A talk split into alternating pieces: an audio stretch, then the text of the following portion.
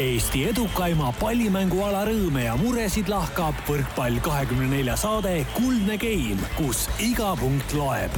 taustajõuna hoiab mängul hoogus ees Kredit kakskümmend neli tere, head kuulajad, on kolmapäev, kahekümne kolmas märts. meie elud kulgevad erinevatel radadel oma tõusude ja mõõnade, oma kivide ja kändudega, aga kuldne game on loodetavasti see aeg nädalast, mil muremõtted tunniks kaheks kaovad nii saatekuulajatel kui ka tegijatel. seekord on Kodutänava stuudios võtnud lisaks Kardinaldo Listet kõigile juba tuttavad Kertu Laak ja Mihkel Uibaleht. kaunist varahommikut teile. tere. tervist. võiks olla laivsaade ikkagi, ma olen mõelnud, täna hommikul kell kaheksa, mõtle inimesed tuleksid, kohe paneksid kuskil hommikul autoga sõites. ja kui sa mõtled, et äh, me konkureeriks siis hommikuprogrammidega, siis me kindlasti võidaks, sellepärast et äh, kui muidugi Retro FM on eriline tase, sest ma alati kuulan seda, ma tervitan Retro FM-i tegijaid.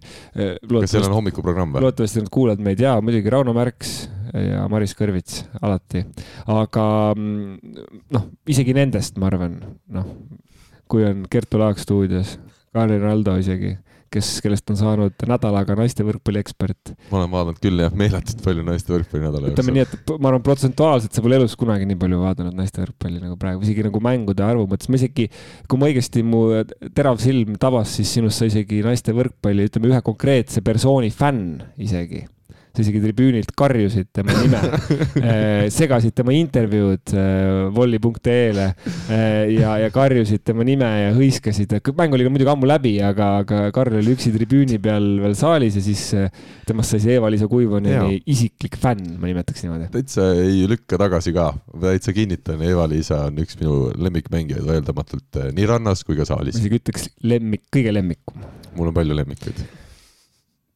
selle kohta ma tahaks midagi üks halba öelda, aga kõik on hästi. üks neist on täna ka stuudios, muide, ja Mihkel, see ei ole sina. haigus oskab pugeda, jah? peatoimetaja peabki pugema, sa ei saa muidu ju seda.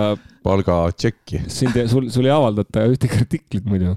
või aga pole, kusjuures pole ammu avaldanud. Pole kirjutatud ka, jah siis on ka raske avaldada ohohoo, teate, nüüd on see, see sissejuhatuse värk, et äh,. see on see aeg, kui äh, mul... Ranna äh,, Rainer Vassiljev ja tuhanded Eesti võrkpallisõbrad kirjavad edasi saada. täpselt, nii et, et äh, nad ei kuulegi seda olulist informatsiooni, mis siin hommikulauas, hommikukohvilauas saab. muidugi mul ei tulnud ju neid sõnumeid, keegi minu, noh, need, need ju ei kirjuta mulle, kes ütlevad, et kerige edasi, aga mul tuli mitmeid sõnumeid, kes ütlesid jumala eest, et äh, tehke sissejuhatus neljatunnine. aga kes need on, need inimesed, kui tohib küsida? Need, noh Need ongi sellised omamoodi inimesed. Sa ütled, neid on palju nagu, et konkreetset nime. kaks-kolm, kaks-kolm. kaks, kolm, noh, mina ja Mihkel ja.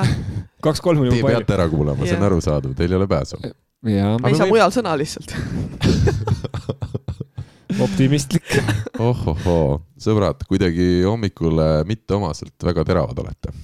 jaa, aga tegelikult oli hästi tihe võrkpallinädal. ma lihtsalt kommentaarina ütlen, et ei olegi väga Äh, nii-öelda puhata saanud äh, võrkpallist. Ja see on äh, iseenesest hea tunne, sest et see noh, minu jaoks on ta hea viis mõtted kõrvale viia, et noh, näiteks kui Äh, võib-olla hea näide, kui Audentes ja Tartu mängisid äh, siin Tallinnas, siis äh, viis game'i ja sa oledki selle, ma ei tea, umbes kaks tundi, palju see mäng kestis.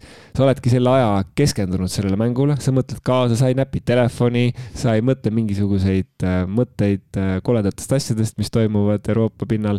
sa lihtsalt elad kaasa, mõtled, vaatad, mis treenerid teevad, üritad mõelda kaasa, mida noh mis kaalutlustel keegi mängija mis otsused vastu võttis ja see on nagu põnev ja sa oledki seal sees, elad kaasa, kui see on veel selline mäng nagu see konkreetne Audentes ja Tartu oli, siis noh.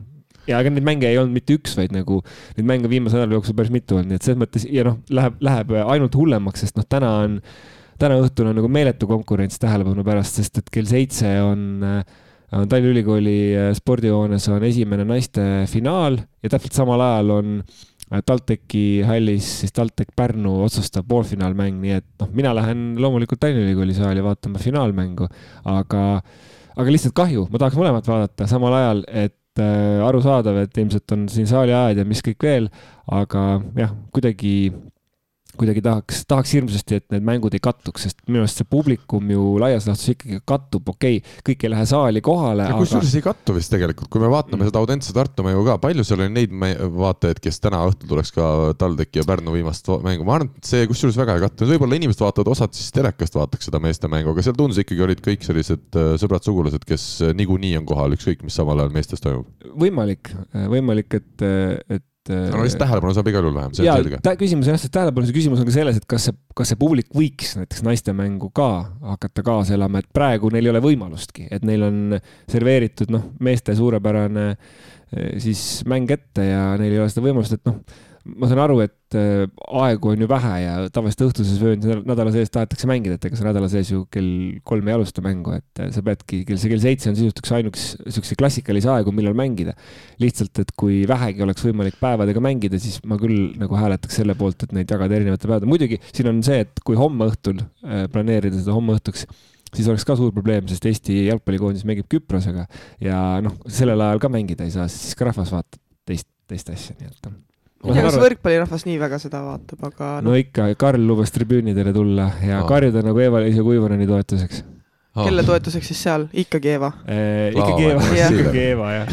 aga ja, ja Kertu, sa lubasid ka tulla ju hakata vaatama taaskord Eesti-Maroko mängu järel eh, kaks tuhat üheksateist aastal, sul on nagu järgmine mäng vaja ka kirja saada, nii et. jah, selles mõttes on päris pikalt aega möödas, aga ma arvan, et mul on muid tegemisi sel ajal aga kui, kui ma ütlen, et iga piletiostuga toetad Ukrainat, ehk siis kogu piletitulu läheb Ukraina toetuseks, kas see juba nagu motiveeriks tulema? võib-olla lihtsalt pileti osta, sa pead kohale minema ja kannatama kaks tundi seal äh, vastupidi, rõõmustama näiteks Eesti võidu üle. no kui sa lubad, et Eesti võidab, siis ma tulen.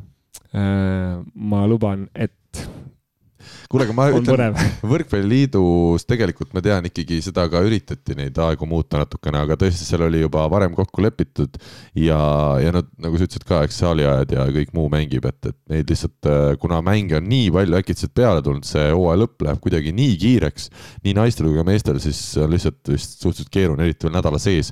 Äh, variant oleks ju tõsta üks mäng varasemale, aga no kui tartlased hakkavad varahommikul tulema, siis ma ei tea, mis need tööandjad ütleksid täna kolmapäeval, et ärge homme enam neljapäeval tulge, et keskendugegi võrkpallile.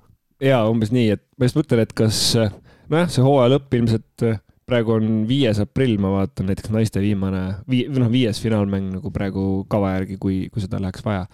et äh, jah, ma ei tea, kas, kas kas ta peab ära lõppema kohe aprilli alguses või ta võiks ka kesta näiteks nädal aega kauem, et äh, noh, iseenesest ega venitada ju pole vaja ja noh, me teame, et Covidi tõttu võib alati tulla viimasel hetkel ka mängude edasilükkamisi ja kõiki siukseid probleeme.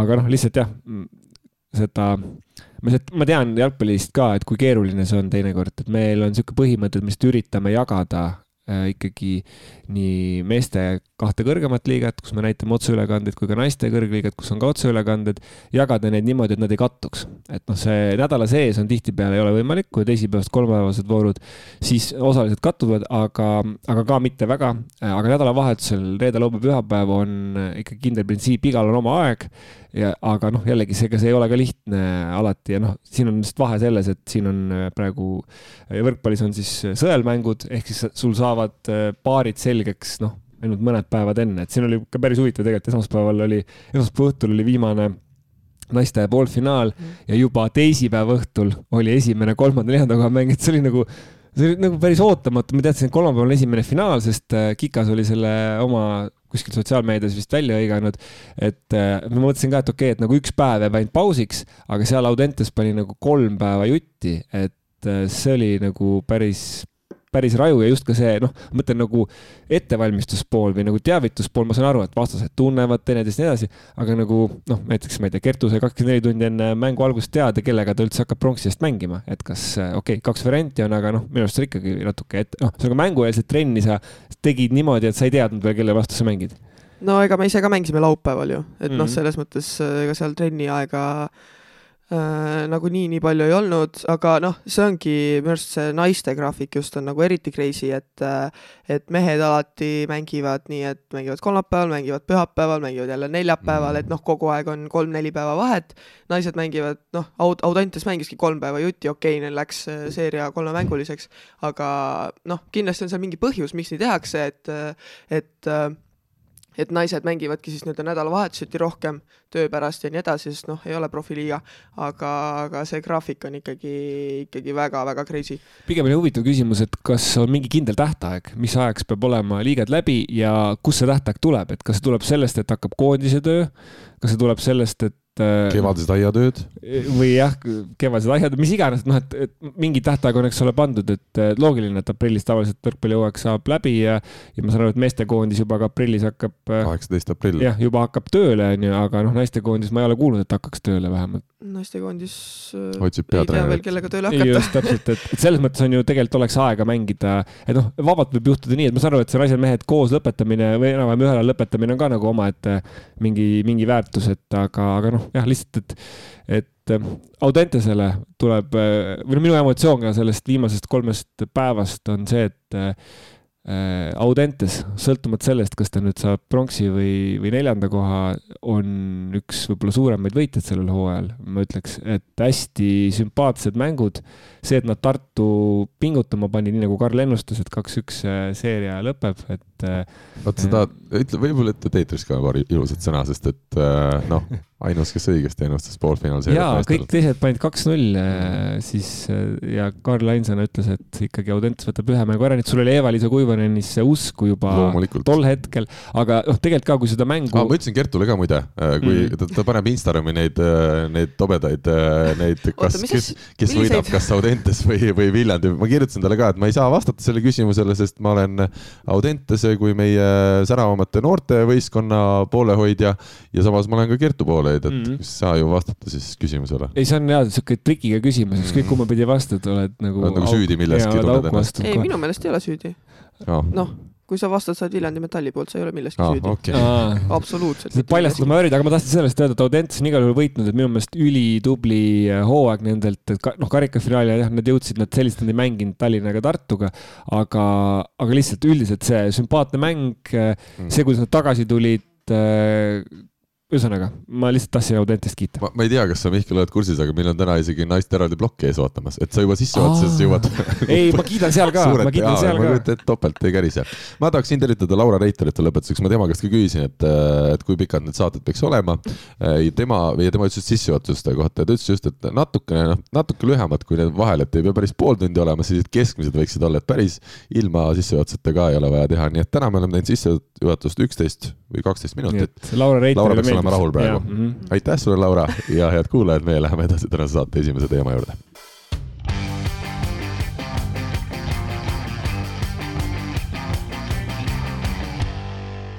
Grade kakskümmend neli Eesti meistrivõistlustel jõudis esimesena finaali Tartu Bigbank, kes alistas siis seerias äh, kolmes mängus tulemusega kolm-null Tallinna Selveri ja jääb nüüd siis ootama vastast paaris Pärnu võrkpalliklubi TalTech, kus viimane, viies otsustav poolfinaalmäng toimumas täna õhtul kell seitse Tallinnas.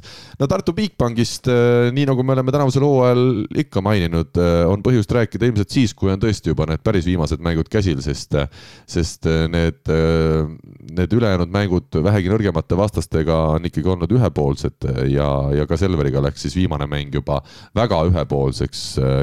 täitsa, täitsa kahju hakkas Andres Toobalist ja tema hoolealustest, ei olnud selles viimases mängus enam sellist mingit sädet selles Selveri võistkonnas, aga me kõik anname endale jätkuvalt aru, kui hea on lihtsalt Tartu meeskond tänavusel hooajal ja kui vähegi, vähegi vastasvõistkonnad, kes meil niigi on Eestis nendest nõrgemad, veel peaks kuskilt ka nii-öelda värisema või, või midagi peaks olema puudu, siis on seda hävitavam see, see tulemus enda jaoks reeglina olnud, nii ka siis viimases mängus kakskümmend viis, kolmteist, kakskümmend viis, kaheksateist, kakskümmend viis, kaksteist olid need numbrid, millega Tartu Bigbank Selverit võitis. Mihkel, sinu esimesed mõtted?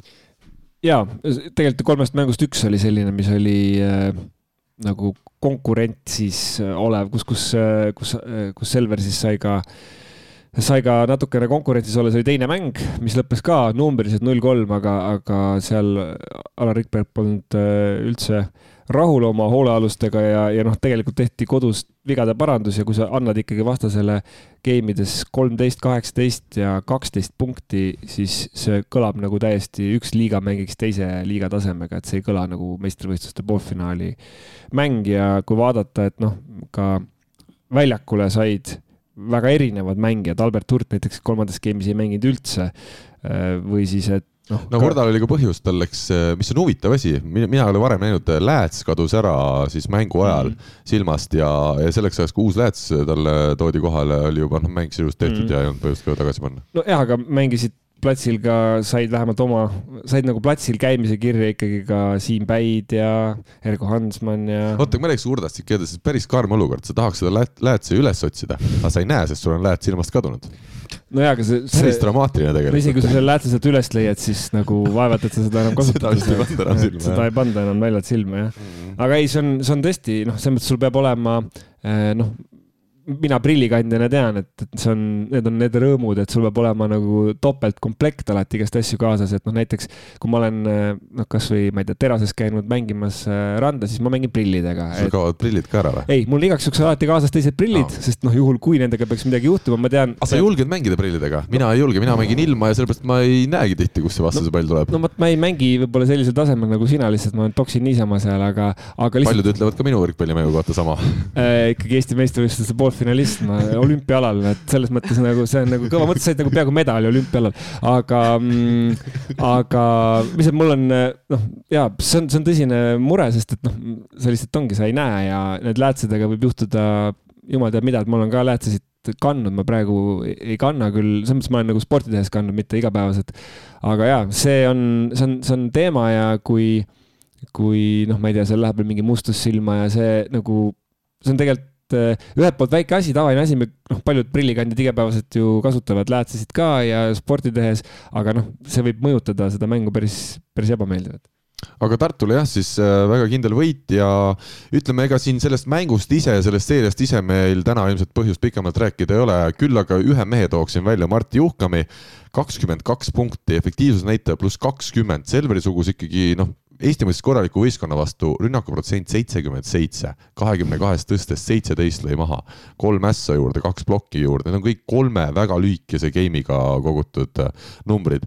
Ja Marti kohta kirjutasin ka natukene provotseerivalt isegi, mul oli üks arv uudis, mille ma kirjutasin äh, viimase nädala jooksul, oli see Tartu võidu uudis ja, ja kirjutasin seal ka, et äh, noh, selliste numbritega ikkagi ilmselt püüab välismaalt omale kosilasi ja, ja Marti kirjutas mulle Messengeris kirjutas vastu, et ka, miks sa ei taha, Karl, et ma enam Eestis järgmine aasta mängiksin ma ütlesin sulle, et ma ütlesin talle, et, et tundub, et sa ise ei taha Eestis järgmine aasta mängida, aga ühesõnaga Marti kvaliteet on, äh, on jätkuvalt väga kõrge ja, ja tundub just otsustavateks mängudeks ka väga heasse vormi kerkinud, mis annab meile lootust, et suvel võiks Juhkami ju jälle ikkagi koondisega liituda ja olla seal väga oluline lüli meil, et ma jätkuvalt ootan ja loodan neid aegu, kui Juhkami on meie koondises ka üks võimalik põhimees olnud väga hea mäng või noh, ta on heas vormis ja lihtsalt tal on ka ju, ta on selline kompromissitu ja sihukeste oma liidriomaduste ja kõige sellega, et ähm, noh, ma ütlen lihtsalt äh,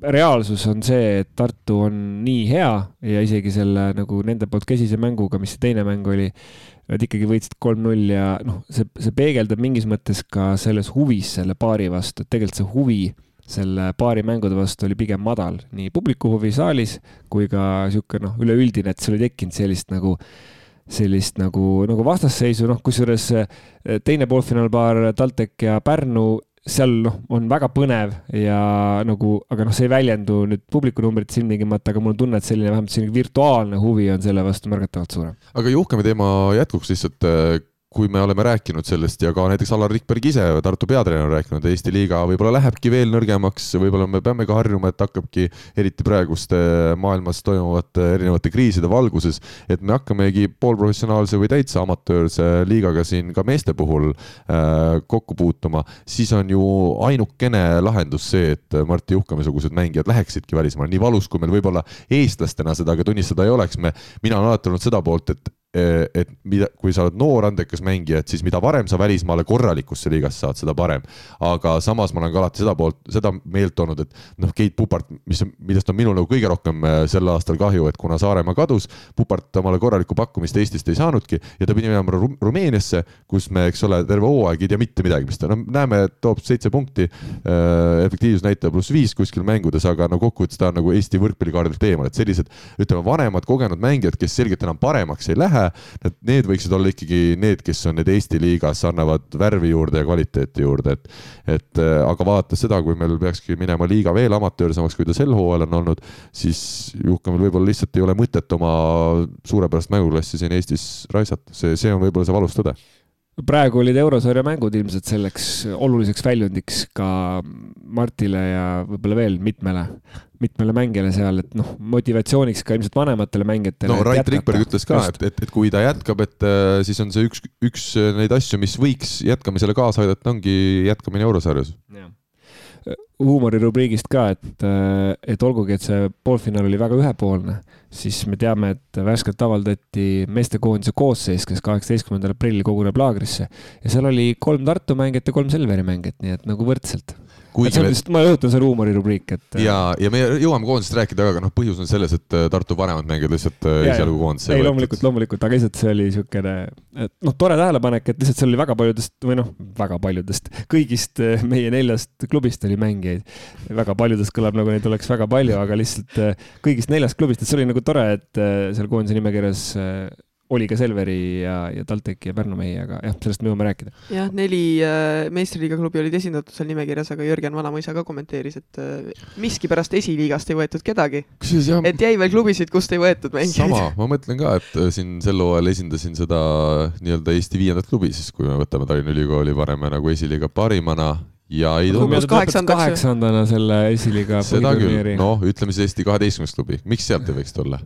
ei võiks, võiks, selles mõttes, et. servi vahetus. no viiendas klubis, ma ütlengi, et jalgpalli kõrgliigas on kümme klubi, et mm. meil küll näiteks äh, Tammekast Sander Puri koondises, Tammeka lõpetas eelmine hooaja mitmendana, üheksandana vist, eks ole, et siis. no vot, see räägibki Eesti jalgpallist nii mõndagi, ega siin ei tulegi, see aitab. sellised, sellised räägib, et võiks potentsiaali olla koondisse saada sul aga Selver äh, ikkagi jah, kuidagi täitsa ära vajus kui ma nüüd ei eksi, siis Karel Ellermaa peaks olema võistkonna kõige vanem mängija, et me oleme jõudnud, mina olen jõudnud oma elus sinna etappi, kus mina olen vanem mängija, kui Eesti ühes juhtivas klubis on kõige vanem mängija, ehk siis äh, Ellermaal sünniaasta üheksakümmend kolm äh, ja kuidagi sellest kogemusest tundub jäigi seal puudu, et, et mängu kvaliteet ju iseenesest sellel Selveri võistkonnal oli äh, ja aga noh seal viimases mängus eriti täiesti tujutult äh, võistkond esines ja nüüd on eriti huvitav näha, et ükskõik, kas siis TalTech või Pärnu tuleb neile pronksi seerias vastu.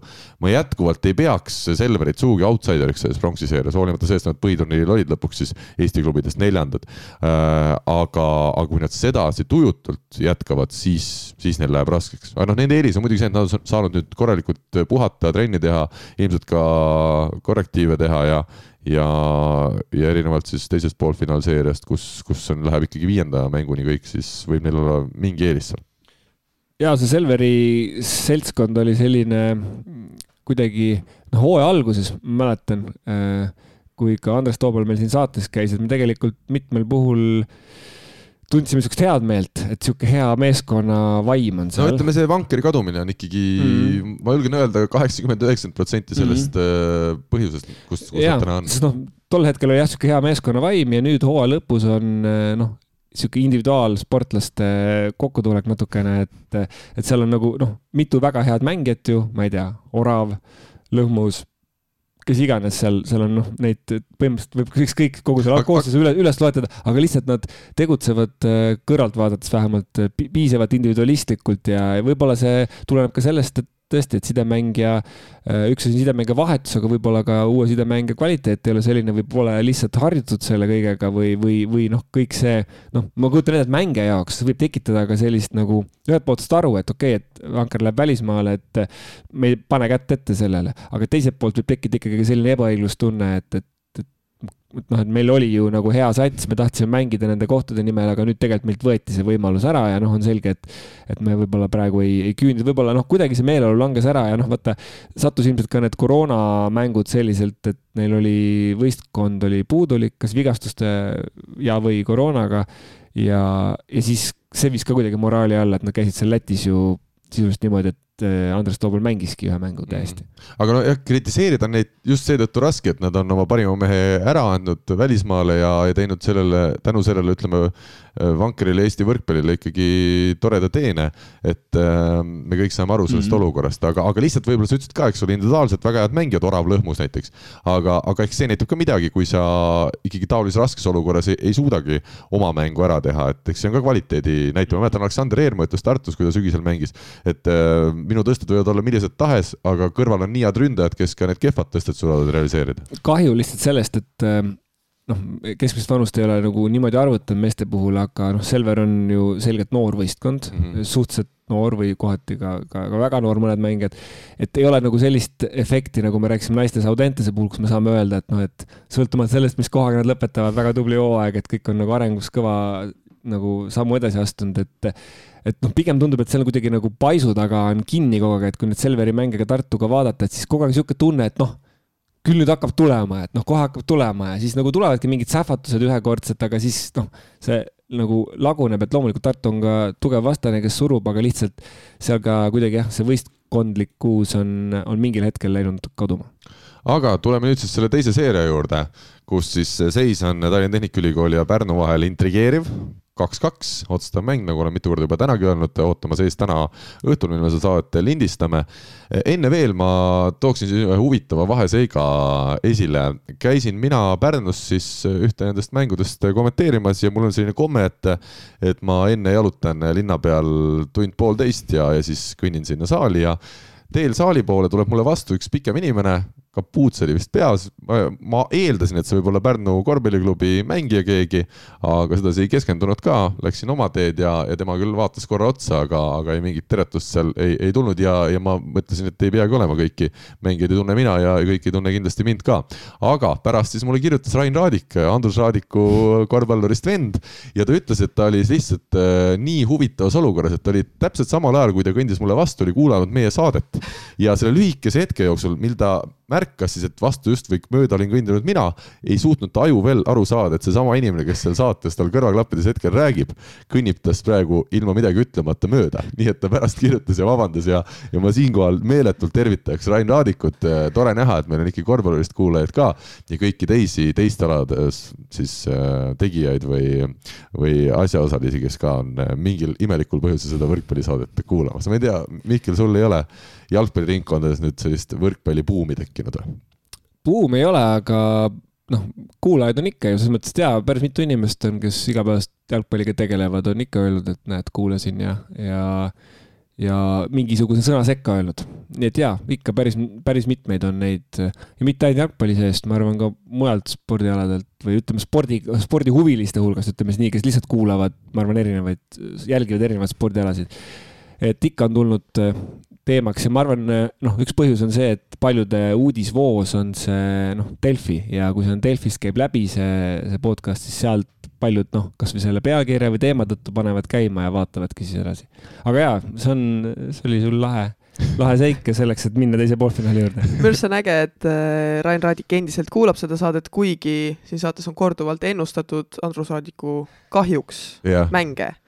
mina näiteks ei tea, kui Andrus noh, tundes Andri, Andrust, kes on hästi sõbralik mees, aga samal mingil hetkel noh, kui sa väga halvasti käitud tema vastu, ta võib ka no pahaseks saada, siis kui nüüd Andrus peaks naasema Eestisse suvel siis mina pean ilmselt küll kolima välismaale, ma arvan, selleks perioodiks, sest ma mäletan, kui Andrus kirjutas mulle, et kuidas see võimalik on, te teete Eestis võrkpallisaadet ja kõik ennustate Eesti võrkpallile koduklubi vastu, kusjuures nad võitsid toonase mängu, mille, mille vastu me kõik ennustasime. tervitused siin ka Andrusele, nüüd on perekond Raadikute äh, erirubriik äh, läbi saanud ja läheme selle poolfinaalseeria juurde. no milline seeria? ikkagi olen siin ka varem kirjutanud või öelnud seda kuskil, et, et me oleme Eesti meeste võrkpallis oodanud läbi selle hooaja, et see hooaeg põnevaks võiks minna ja, ja tundus juba, et noh, ilmselt ei lähegi, TalTech juhtis ju ka seeriat kaks-null võitudega ja, ja paistis, et noh, mis siin ikka, aga Pärnu võrkpalliklubi eesotsas vanameistri Aavo Keelega on suutnud ikkagi viia siis mängu nii kaugele, et, et me jätkuvalt ei tea, kes finaali pääseb. Ja mida või keda siis Pärnu puhul kiita ma ei, ma ei tea, kuidas see võimalik on, me enne seeriat rääkisime, kahes esimeses mängus tundus, et see ei toiminud, aga see Pärnu plokk on ikkagi hirmkõva. Äh, nende sidemängija Joe Mauricio neljandas mängus esimeses game'is, kas oli vist viis plokipunkti. kuidas nüüd on, Kertu ja Mihkel, kas me peame kiitma siin Joe Mauriciot ja kogu seda plokiseltskonda Pärnul, et nad on nii suurepäraselt kvaliteetsed plokis või me peame ütlema siin, et TalTechi mehed lihtsalt ei, ei suuda targalt äh, võrkpalli mängida? seda ma küsisin ka Richard Voogeli käest lugege kõik intervjuud. Äh, ja tema ütles, et nad on ikkagi plokiga vaeva näinud äh, kõvasti trennis ka, just üks-ühele plokis ka, et, et isegi kui tempomees ei jõua juurde, siis äh, blokeerija oskab seda rünnakut piisavalt hästi lugeda, nagu me teame, siis noh, Kevin Saar ründab ainult diagonaali, seda on noh, nagu on öeldud siin ka, et, et, et seal tuleb lihtsalt need käed nagu õigesse kohta visata ja, ja noh, see ütleme kohati ma nagu oma kogemusest tean, et üksi on plokis isegi vahel lihtsam olla kui kahekesi, et, et sa saad nagu teha selle otsuse ja, ja võib-olla ei ole mingit sellist, et sa pead mingi puute sealt saama ja siis noh, eks osa on ka kindlasti ründajate teha, et, et ühe ploki vastu ikkagi eeldatakse, et see pall lüüakse maha, aga kui on seal mingi brasiillase käed ees, siis ju siis on raske sealt mööda mängida seda ühest plokki näitas Kertu eile õhtul. oi, see oli magus kui äh, oli see Kuivanen vist, eks ole, jah, kelle sa. ai, ära räägi siis. kelle sa kin, kinni panid ja oi, see oli, kas see oli viies game? see oli viies game, see oli, see oli niimoodi, et ma terve mäng üritasin äh.... mitte Eevale plokki ette panna. just, ei, tegelikult ma väga üritasin talle plokki ette panna ähm, üritasime, noh, sest ta lõi ka noh, nagu Kevin Saar diagonaali ikkagi. Äh, ja, ja kogu aeg mõtlesime, et lähme sissepoole, lähme sissepoole, et võtame selle diagonaali ära ja siis viiendas ma jäingi seal üksi ja viskasin need käed nii palju diagonaali, kui vähegi sain. käed olid niimoodi, et äh, käelaba napilt ulatus üle võrgu veel, noh, mitte et ma väga palju kõrgemale hüppaksingi ja, ja sain selle ploki ette ilusti sinna. ja rahulolu hea ploki üle oli Kertu näos pehmelt öeldes äh, suur, et see oli sihuke kõva möiratus, mis sealt välja tuli. see on täiesti uskumatu, me räägime sissejuhatuses naiste võrkpallist, me räägime meeste meistriga poolfinaalseeriates naiste võrkpallist, me räägime ilmselgelt ka naiste võrkpalliplokist. me rääkisime plokist, me rääkisime plokist praegu, et ma, aga vastus su küsimusele, et kui, kui, kui plokipunktid äh, Pärnu ja TalTechi viimases mängus olid kakskümmend üks, viis äh, Pärnu kasuks, siis äh, kakskümmend üks plokipunkti ühes mängus teenida on et noh, siin kindlasti on nagu, see on nagu kahepoolne, mina arvan ikkagi, et. Äh, kindlasti ongi. jah, et. ja siin kindlasti üks faktor on see, et Mihkel Tanila sai äh, teises game'is vist äh, vigastada. ja, ja oli ikkagi enamus mängust eemal, et äh, tema tavaliselt on TalTechis olnud üks kõvemaid plokimehi, et seal need äh, ütleme, Perillus ja Üprus, noh, nad teevad ka oma, oma asjad ära ja Üprus tegelikult pani päris mitu head plokki, seal pani üksi Svansi kinni mitu korda, et et, et selles mõttes ikkagi Tanila on nende ploki jaoks, ma arvan, väga-väga oluline just oma mhm. kogemusega. no just, et kui Tanil oli väljas, siis niigi TalTech, äh, kelle puhul Pärnu väga neid temposid ei jälginud, nüüd nad pidas just üldse ju jälgima, no ühe geimi lõpus tuli Rasmus Meius sisse, ma ütlen, ütleme võrkpallisõbrana oli minu jaoks, ma ootasin seda hetke, kui Rasmus äh, seal teises geimis jõudis eesliini, et näha, kuidas ta tempos siis mängima hakkab, no sellest väga palju ta ei saanud mängida, game sai juba varsti läbi, aga no tõesti, see on kindlasti üks põhjus, et kui. kusjuures nad võitsid selle geimi, minu arust TalTech võitis selle geimi, et ei suutnud Pärnu ära kasutada seda seda mm -hmm. väga hästi seal, et väga napilt kaotasid selle game'i seal.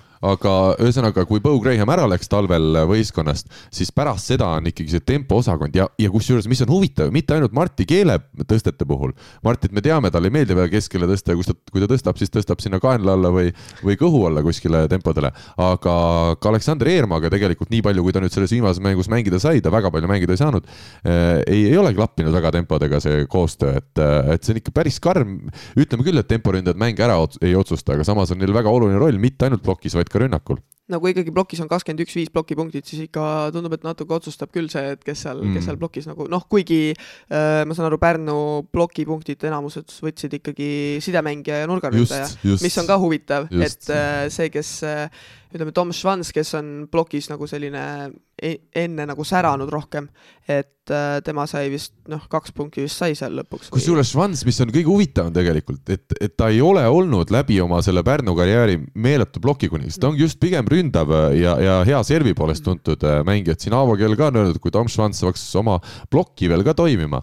viimases mängus jah, kolm plokipunkti, aga noh, võtadki kõrvale siin äh, sidemängija Jean Maurice kuus plokki, nurgaründaja Cavalcange kuus plokipunkti, siis tundub, tundub see kolm nagu selline piinlik number. Aga, aga mõistame olukorda, igatahes äh, äärmiselt huvitavaks on see seeria läinud. Mattias Midel olnud ikkagi TalTechi liider mõlemas mängus rünnakul, teine mäng kakskümmend kaheksa punkti, aga nüüd on see koht, kus ma mäletan Andrei Ojamets, kunagi kui ma olin veel nii-öelda suures meedias ajakirjanik, ma mäletan, ta ütles isegi mitte minu mingi loo kohta, aga üleüldiselt, et miks te räägite punktidest, vaid rääkige efektiivsusnäitajast, see on täpselt see koht, Mattias Midel kakskümmend kaheksa punkti, aga efektiivsusnäitaja pluss kolm.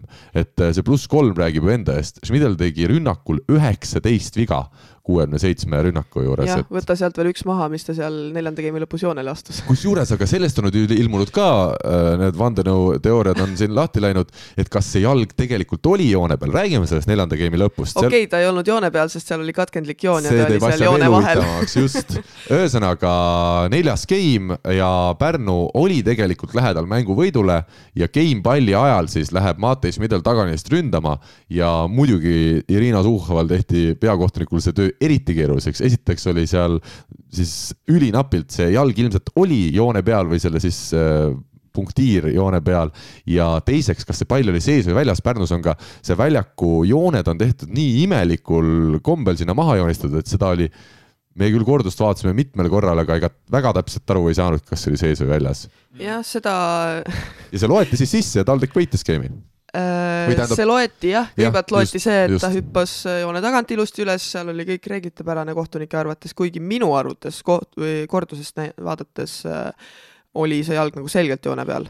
Äh, aga pärast, jah, mulle ka tundus tol hetkel nii, aga pärast on mulle saadetud paar pilti see on võib-olla sellest, kus see jalg alles läks sinna maha, võib-olla ta mm. natuke libises veel edasi pärast, et Nii, igatahes. no see on igatahes, läinud, noh. ja, ja, ja me saame ka kohtunikest aru, ma ka Irinaga rääkisin pärast, et, et täpselt sama asi, mida me oleme siin saateski kohtunikega arutanud. kui sa ei ole sada protsenti kindel, et äh, reeglite rikkumine toimus, siis sa ei saa seda elu sees vilistada mm. ja kui see on nii napilt seal sentimeeter joone peal või selle punktiiri peal, mis tegelikult ei olnudki joone peal, siis olla seal sada protsenti kindel, et sellisel hetkel see jalg seal peal oli, mm. ongi keeruline kui isegi videokordust peab mitu korda vaatama ja isegi siis sa ütled, Karl, et ei saa aru päris täpselt ja ma noh, vaatasin ka sedasama kordust, et noh, siis öelda kuidagi, heita ette kohtunikule, et ta tegi vale otsuse, on noh, täiesti absurdne. Selles mõttes, et see ongi otsus, mis läheb kord siia, kord sinna, niisugune võib-olla okei okay, variant oleks olnud uus pall vilistada, et see oleks üks, see on võrkpallis alati niisugune üks kindel äh, variant, kuidas kohtunik võtab endalt nagu see, seda ei tehta. harva. no ja sellises olukorras pigem tehakse harva, aga mingi mäng siin oli, kus, kus äh, naistemängus, kus, kus võeti uus pall, aga, aga noh, ühesõnaga neid, neid asju juhtub nagu ma olen nõus, et see juhtub pigem, pigem harva ja võib-olla selles olukorras oleks see selles mõttes olnud ka nagu justkui ebaõiglane, kui vaadata seda, seda, seda nagu TalTechi poolt öelda, et okei okay,, et aga me lõime ju palli sisse, et miks te uue palli annate. aga noh, eelkõige on neid, äh, neid olnud mõnel korral, aga noh, läks, kuidas läks, onju, et see on lõpuks, ma saan aru, et see on otsustav punkt, onju, aga lõpuks on see üks punkt kogu game'is, lihtsalt on sellisel hetkel ja põhjustabki siukest ažiotaaži, aga nagu, aga kui isegi videokordus ei too mm. nagu mitme vaatamise abil äh, tõde välja või vähemalt me jääme nagu vaidlema selle üle või kuidagi debateerima, noh siis äh, aga läks nagu läks. see ongi minu arust lahe, et meil ei olegi, mina ütlen jätkuvalt Eesti liigas, niikaua kui meil see tase on selline, nagu ta on, meil ei olegi vaja raisata raha sinna videokorduste peale ja taolised momendid, kus me saamegi arutada pärast veel mitmeid päevi pärast mänge tuliselt, kas see oli nüüd äh, jalg joone peal ei olnud, kas pall oli sees või ei olnud.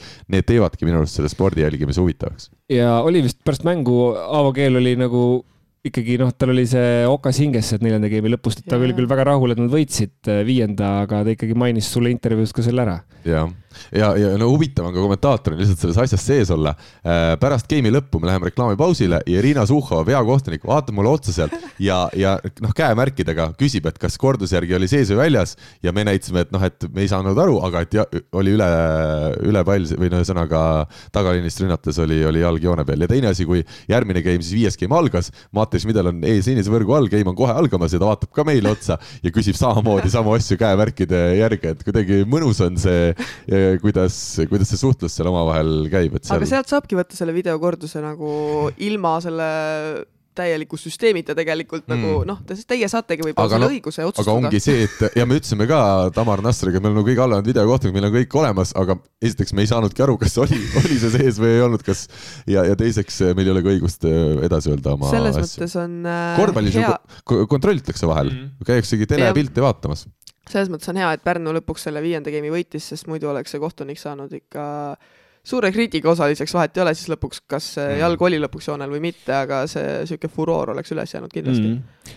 no selle ütleme, vaatamisega on alati see, see huvitav lugu, et see, selleks, et vaadata mingit kordust, ta peab olema piisavalt kvaliteetne. ja siis peab olema ka noh, võrkpallis pall läheb ju väga-väga kiiresti mingites olukordades ja selleks, et saada seda nagu teravat pilti mm. just sellest hetkest, vaata noh, mida me näeme ka nendes challenge ites, kus pall on nagu joone peal, et on väga täpselt, selleks on vaja ka vastavat tehnikat. kusjuures ma olen küsinud Taavi Lüütsepalt, kes neid ülekandeid teeb juba aastaid tagasi, et eh, kas ei oleks võimalik saada seda super slow motion'i ühte kaamerat telemängudele, eh, sest no mina olen väitnud seda, et võrgu kohal oleks seda vaja, et et sa näed hästi huvitavalt, kuidas ründaja lööb, kas, kui palju ta läheb plokist mööda, kui lähevadki näppudesse, et see oleks kõik peal ja noh, ja pluss ta teeks, ütleme, super slow motion teeb ka näiteks hüppe. inimene, tavainimene ei saa aru, kui kõrgele võrkpallurid hüppavad näiteks, et äh, ta, ta suudab nagu esile tuua selle võrkpalli võlusid. aga Taavi on ka öelnud mulle vastuseks, et kuule, et ma ei tea, mis üks, ühe kaamera rent, ma ei tea, palju tuhandeid, see on viis-kümme tuhat üks mäng. see on väga. et see ületab selle, ütleme, ühe ülekande eelarve juba ja, iseenesest. see on väga kallis, et no näiteks kui ma ütlen jalgpallis toodetakse neid mänge, siis UEFA-l on teatud nõuded, mis igale tootjale on ja seal on see, see super slow motion kaamera sees, aga noh, ka seal on ta ikkagi selline noh, noh ma ei ütle, et imeasi, aga ikkagi nagu see ei ole selline igapäevane asi, mida nüüd saaks kasutada nii-öelda lihtsama ülekande tootmisel, aga noh, pigem on lihtsalt kahju on sellest, et kui noh, ja jällegi siukseid kõiki asju sa ei, sa ei näe sealt, sealt äh, kordusest ära, aga on mõned asjad, kus sa näed ära, et see on ilmselge äh, noh, rikkumine on toimunud või, või ilmselge viga on, on otsuses sees olnud, et siis tahaks küll äh, noh, öelda, neid olukordi ei ole küll tihti, need on nagu võib-olla mõne mõni üksik kord hooaja jooksul, kus võib-olla tahaks seda, ilmselt ka kohtunikud oleksid ju väga seda meelt, et noh, kui keegi neile ütleks, et kuule, ilmselgelt oli korduses näha, et tegelikult oli nii. muidugi nad tahaks seda abi, et ega nad ei saa ka ju kõike näha. aga noh, mis teha, et äh, siis ta peaks olema niisugune terviklik süsteem juba, mitte et me lihtsalt nagu kuidagi niimoodi juhuslikult, et Rinaldo kommenteerib ja siis lehvitab seal peakohtunikule ja ütleb, et kuule, see oli nagu valesti ja siis ta ütleb ahah, jah, jah. ja noh, lõpuks siis pärast selgub, et et Rinaldo nägi valesti, eks ole, mis, mis siis saab, onju, et, et siin on nagu palju aga tagasid, et, et aga ei noh, jah, mingis mõttes on tõesti nagu nii põnevuse, selle seeria põnevuse mõttes kui ka igasuguste debattide mahavõtmise mõttes on hea, et Pärnu selle viienda game'i mm. võitis. ja, nad tulid ju välja üks-viis, kas kaotusseisust viimases game'is. tundus, et see asi läheb käest ära, jah Mm -hmm. nii nagu eile tundus, et, äh, et äh, Viljandi äh, kaotab Audentesele, sest viis-null läks Audentese ette järgmine seis oli viis-viis või isegi viis-kuus läksite juhtimisega, jah sõbrad, väga vabandage, väga, väga vabandage kuulajad, kes te tahate. igalt poolt ma tahtsin kohtunike osas ka öelda naiste võrkpalli Nii. poole pealt, et, et ma ei tea, kas asi on minus, aga, aga minu serviga on küll olnud nagu päris mitu korda see, et nagu selgelt on pall sees ja vilistatakse out'i ja ma ei tea, kas asi on, võib-olla ma pean aeglasemalt servima. just, nad ei ole nii kiiresti harjunud võib-olla nägema. ma ei kujuta ette, aga no väga mitu korda on seda olnud. me nüüd teeme väga pika pausi, aga ma tahaks küll nüüd veel selle Kertu ja kohtunike teemal midagi nagu vahe, vahele öelda. no räägi, räägi. ma olen ka vaadanud neid Viljandi mänge, kus, kus, kus Kertu mängib ja äh, ütleme nii, et ma olen mõelnud selle peale, et mille, millest see tuleneb, et Kertu nii palju kohtunikega jutustab. et mitte ainult Kertu, vaid ka mm, mõni tema kogenum võistkonnakaaslane. kes ma... teeb intervjuud samal ajal. et ja ma selle peale olen ka mõelnud, aga ma lihtsalt mõtlesin, et äkki see tuleneb sellest lihtsalt, et Viljandi võistkonna tase on suhteliselt ebaühtlane.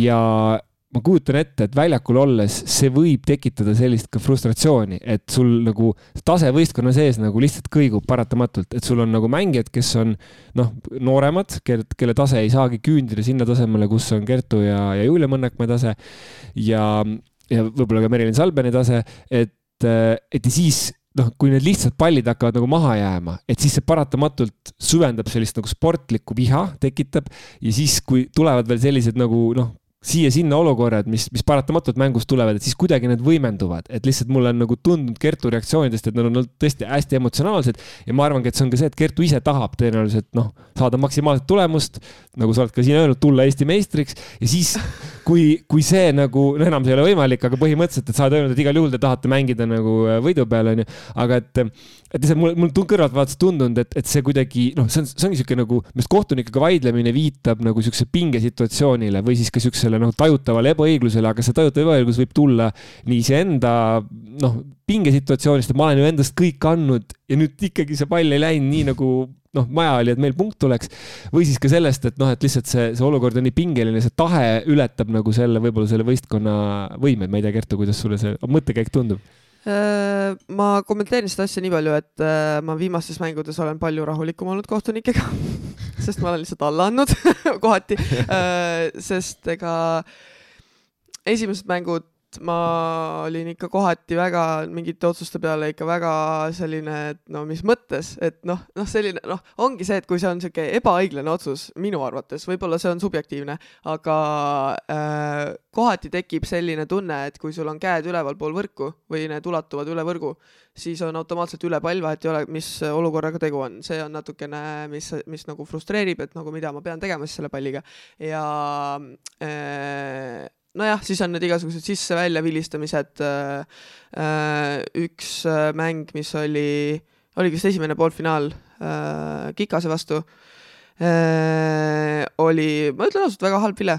tõesti oli halb ja noh, võib-olla jälle subjektiivne, aga, aga minu meelest kui, kui pall, kohtunik vilistab, et pall kukkus maha vastaste poolel vastaste kapten läheb kohtunikuga rääkima, et ei kukkunud maha ja kohtunik annab selle peale uue palli, siis noh. Hmm.. see oligi see olukord, see oligi see olukord, millele ma ka enne viitasin, et siin on antud uus pall. minu meelest äh, selles mängus, mis, mis Kertu äh, meenutas nüüd, et minu meelest seal tõesti ma arvan, et selles olukorras isegi kohtunikul oli õigus, et ta andis uue palli, sest et minu meelest ka seal pall maha ei läinud, küll ja, aga ta aga me just rääkisime seda, et kui sa ei ole kindel, siis ja, sa ei vilista seda. jaa, nõus, ta, ta ei oleks pidanud nagu seal reageerima, et ta oleks pidanud edasi laskma mängida. Kohe ja minu meelest, kus kohtunik eksis, oli see, kui ta võttis Äh, siis tõste segamise seal äh, ühes kohas äh, ära, ma ei tea, kas see oli, see oli äkki, ma ei mäleta isegi, mis game'is see oli, aga see oli suhteliselt siuksel kaalukal hetkel, kus tegelikult võeti ära siis ma ei tea, kellele, et võeti ära siis nagu sidemängija segamine ja minu meelest seal ei olnud seda, et minu meelest see mulle see, see, see koht tundus mulle küll viga, et muus osas ma jääks nagu ähm,. ja ma räägin, võib-olla see oli siuke emotsionaalne, sest et yeah. Äh, noh, ilmselgelt oli napp kaotus ja kõike seda mm. -hmm. ma veel sain äh, seal parima mängija auhinna seal oma võistkonnast ja ja aga Sten Esna andis selle üle ja siis äh, ma ütlesin, et kas ma võin kohtunikule selle edasi anda, aga äh, ütleme aga pildi peal Kertu küll naeratas äh, vastastega seal väga niimoodi esinduslikult nagu peatoimetajale vääriliselt, aga ei, ma olen nõus, et, et seal oli nagu selles, minu arust oli selles mängus natuke rohkem pinget kui kohtunike äh, eksimust, jah, selles ühes olukorras minu meelest ka tehti Viljandile liiga ja see oli niisugune nagu hetk, mis natukene võis lüüa ka Viljandit rütmist välja rohkem aga muus osas ma arvan, ei olnud, ma, muus osas ma ütleks, et et kõrvalt vaadates, et pigem oli, oli okei. Okay.. ja ei, absoluutselt, me ise mängisime selle mängu maha, noh, seal ei ole mitte midagi selles mõttes öelda, et lihtsalt äh, mingid sellised asjad äh, mängu sees just mm -hmm. nagu ke-, või ütleme, sealt keevad need emotsioonid mm -hmm. ilmselt üle ka. aga kuidas, aga kuidas sa selle osas ikkagi, mis, mis ma, mis minu mõttekäik oli, see, see pinge nii-öelda või noh, see soov nagu võita või siis ka see, et noh, mulle tundub, et sa seda küll nagu väga võib-olla platsil ei taha välja näidata, kui tekib mõni niisugune noh, noh, sihuke ootamatu viga oma võistkonna poole pealt, et noh, loomulikult kõik eksivad, ka sina oled seal mõne palli keset võrku löönud, aga, aga põhimõtteliselt lihtsalt vaata neid noh, vigu tekib paratamatult siukses ootamatus kohas, et sa oled ilmselt harjunud nagu mängima sellisena, et sul võistkonnakaaslased kõik on enam-vähem samal tasemel, mis, mis sina on ja seal paratamatult seda ei ole Viljandis. jah, no eks see mingit sellist äh, noh, jah, ma ei tea, ma ei oska öelda, et eks ma sellega harjun nagu ka järjest rohkem, et et äh, noh, diagonaalina ka, kui tuleb selline serviseerija näiteks sisse, siis noh, mul ei olegi seal midagi eriti teha, et ma saan seal, eile ka me läksime seal, kui Kuivanen tegi seal kolmandas game'is selle serviseerija yeah. siis, äh, siis ma läksin nagu veits appi sinna, et, et äh, igalühel oleks nagu väiksem sektor, aga, aga ega iga kord ma seda ka teha ei saa, et noh, siis, siis ma noh, aitan, kuidas saan ja proovin nagu endale kõik aru anda, et, et mis, mis tasemega nagu tegu on see oli väga pikk äh, mõttepaus. Lähme tagasi äh, TalTechi ja Pärnu juurde. aga mina ütlen lihtsalt seda, et Mihkel, sinul pidi mingi koosolek algama täna kell kümme. ei, algabki. no vot, siis lihtsalt äh, peame kuidagi vastavalt tegutsema. me rääkisime ega... pooled naiste asjad õnneks ära praegu. jah, et me ja, saame me... pärast võib-olla selle sa ütlesid ju, et meil on naiste ja meeste rubriik ühine selline jaa, ma ei tea, kus ma seda ütlesin, aga võib-olla ütlesin. sissejuhatuses. Pärnu, Pärnu võrkpalliklubist, kui me kas te mäletate veel, Eestis on poolfinaalid käsil meestel. ja lähme, lähme tagasi, ma mäletan, et see kohtunike teema, me saime, ma arvan, et kohtunikkond on väga rahul, et me väga põhjalikult käsitlesime kohtuniku, kohtunike teemat. kindlasti Erko Varblane kirjutab, helistab mulle pärast seda saadet. oleks tore. tervitused jälle, meil on tänaseks tervituste saade Erko tegi eile väga hea vile helistad, meil võiks saatesse sisse. muusikat ei saa. meil võiks saatesse sisse helistada, küsida, kas tervitada ka saab helistab keegi teile.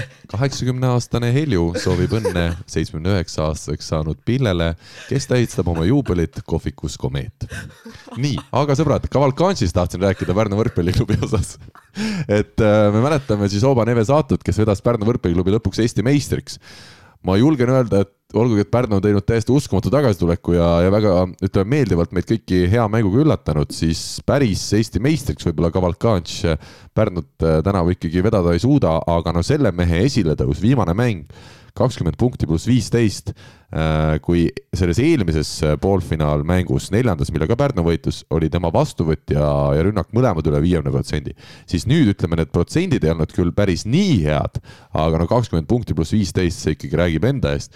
selle mehe esile kerkimine ja ütleme, selline ka mängu nauding, mis mulle eriti meeldib Cavalcanci ja Joe Mauriciot Brasiilias vaata, et nad tulevadki siia Eestisse neil on, ühtpidi see on töö, teisalt see on ikkagi nende loomuses on see mängu nautimine ja sealt sünnivad ka head tulemused. mulle tundub, et nad sellistel tähtsatel hetkedel ei muretse nii palju nagu võib-olla teisel pool võrku need äh, Eesti võrkpallurid. see on, see on olnud minu tähelepanek. mis nüüd edasi saab siis sellest seeriast? no nurgaründajad, TalTechi, me oleme sellest rääkinud, me peame sellest veel rääkima. ei saa ei Kevin Saar ega ka Rauno Tamme ikkagi nüüd üleliia hästi hakkama oma, oma asjadega. Ja no ikkagi seal ma julgen öelda, on see seeria ka kokkuvõttes kinni. ma saan aru, et TalTechil ei ole temporündajaid võib-olla nii kvaliteetsed ja seepärast ongi nurkadel keerulisem, aga noh, see, kas nurgad saavad oma rünnakud maha või mitte ja no ka vastuvõtt tegelikult nendel samal nurgameestel, kuidas toimib, et see on see võtmeküsimus nüüd viimases mängus. Jaa, nõus, minu meelest äh, Pärnu, vabandust, TalTechi nurgad on, äh, on üks küsimus teine küsimus, et kas äh, nagu Schmidel, noh, see, on nagu üks, ühes küsimuses on nagu võib-olla kaks poolt, et see Schmideli äh, efektiivsusnäitaja, madal efektiivsusnäitaja on nagu minu meelest tingitud sellest, et et noh, TalTechi nurgad ei tule järgi sellega, et seal noh, mingil hetkel on sundseis, et kust tulebki ainult Schmidel, Schmidel, Schmidel. me kõik teame, eks ole, et see tõste läheb Schmidelile. ja siis on väga lihtne seda, seda mängu lugeda, ehk siis, et kui ühesõnaga TalTechil peab see vastutus jaguma rohkem võistkonna peale, see on üks asi.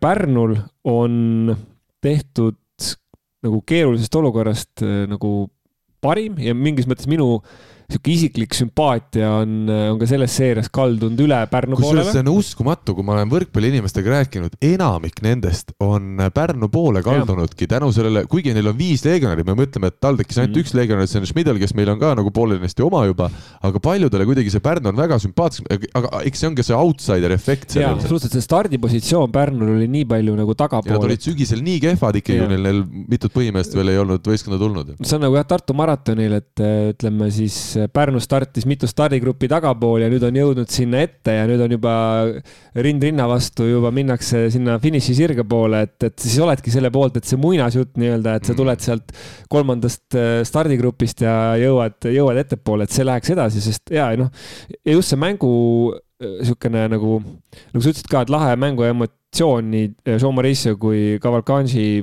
puhul on see, on see emotsioon nagu kuidagi väga äh, no toob naeratuse näole, kui seda mängu vaatad, et nagu tüübid kaifivad, elavad ennast välja ja nad on läinud ka nagu heaks, et noh, nad ei ole veel lõpuni päris nüüd nii stabiilsed, aga mingid elemendid on nagu see nagu kuidagi nad ehitavad selle edu elamuse pealt kogu aeg edasi-edasi, et TalTech on, TalTech on nagu nii palju priviligeeritumas stardipositsioonis olnud ja eks kuidagi see hooaeg on neile võib-olla raskemalt mõjunud, et et jah, igal juhul niisugust värskust ja sellist noh, on nagu Pärnus rohkem ja noh, pluss me võime rääkida ka sellest Ukraina puutest seal, eks, et kuidas nendel ukrainlastel on seal, mis tundega nemad on mänginud ja nii edasi, et ühesõnaga minu sümpaatia on lihtsalt Pärnu poole läinud, aga siin oleneb sellest, ma arvan, kui TalTech suudab oma mängu mitmekesistada, ehk siis Mattias Mideli kõrval võtavad ka teised mängijad, noh, ma ei saa öelda, et võtavad vastutuse, aga pigem suudavad ära lahendada siis need olukorrad rohkem, et siis, siis on TalTechil ikkagi nagu eelis, ma, ma pakuks ja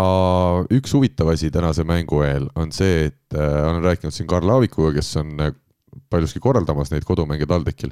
ta oli kindel, et üle viiesaja pealtvaataja tuleb, et kui kahel eelmisel poolfinaalmängul siis TalTechis oli natuke üle kahesaja ja nüüd Pärnus oli ka natuke üle kahesaja, siis nüüd otsustav mäng TalTechis peaks olema üle viiesaja pealtvaataja, et on tehtud kõiksugust reklaami, mis minule tundub, et see ongi, ütleme, see on TalTechi suur pluss, et neil on see ülikool taga ja seda, seda peabki ära kasutama, et mul on väga hea meel, nad on tegelikult teinud korralikku tööd ja mulle meeldib väga see, kuidas Tom-Erik Loomaho teeb seal äh, vaheaegadel head huumorit, laseb äh, soovi laule, publiku mängud, need on täpselt see asi, mis toobki rahva saali. et me oleme seda tuhat korda ka siin saates rääkinud, et me ei saa oodata, et tänasel päeval tulevad võrkpallisõbrad iseenesest saali, et me peame klubidena tegema ka maksimaalse panuse, et, et need mängud oleksid huvitavad mitte ainult mängu poolest, vaid, vaid ka selle kõige muu juures, sest see, see käib tänapäeva meelelahutuse juurde lihtsalt kas äh, pilet on endiselt kümme eurot, on mu küsimus, TalTechi kodumängul. viimati, kui mina käisin, siis, siis oli. jah, vist on küll, jah ei, selles mõttes, et kümne euro eest peakski pingutama, ma ütleks selle peale, et äh, ma lihtsalt ütlen, et.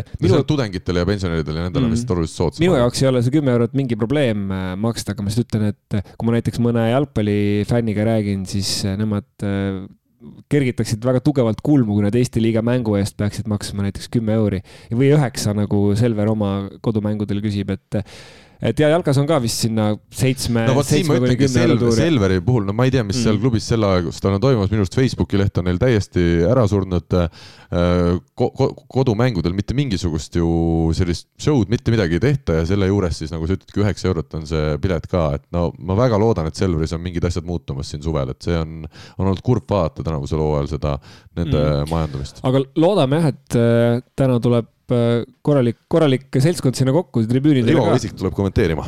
ma arvan, et nüüd on juba see, et osaks no, nüüd ei tule keegi saali ju. osaks on pileti ostnud juba no aga sa saad alati saali minna, siis klapid pähe panna ja kuulata sealt. viivitusega või tuled Rivo lähedale.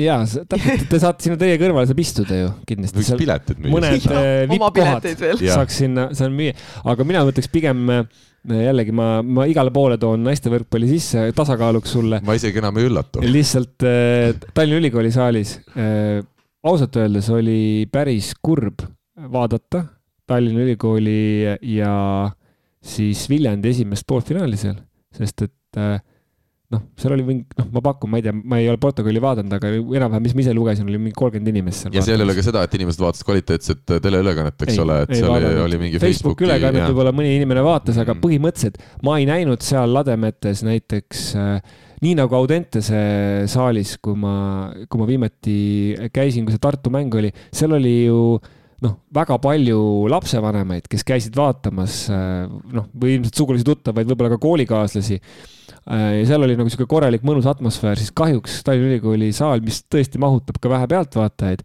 siis ütleme nüüd naljaga pooleks et, et kümme protsenti äh, pealtvaatajatest äh, moodustas Rivo Vesik, mina ja seal veel mõned inimesed, et ütleme nagu laias laastus ma, ma tea, tundsin, tundsin isiklikult umbes kümme protsenti pealtvaatajatest ja suhtlesin nendega, et see, seda oli nagu noh, nagu kurb vaadata, sest et noh, lihtsalt minul oli pigem see mõte, et okei okay,, kui meil tuleb poolfinaal Viljandiga seal, eh, et kus nad selle rahva mahut-, mina läksin nagu, ma olen nii naiivne, ma läksin varem kohale natukene, et, et äkki ma ei saa nagu normaalselt. jaa, äkki, et ma ei saa nagu wow., äkki ma ei saa nagu normaalselt, sihukest istekohta nagu mulle meeldib, noh, saad, saate aru, noh, kui naiivne inimene võib olla, onju.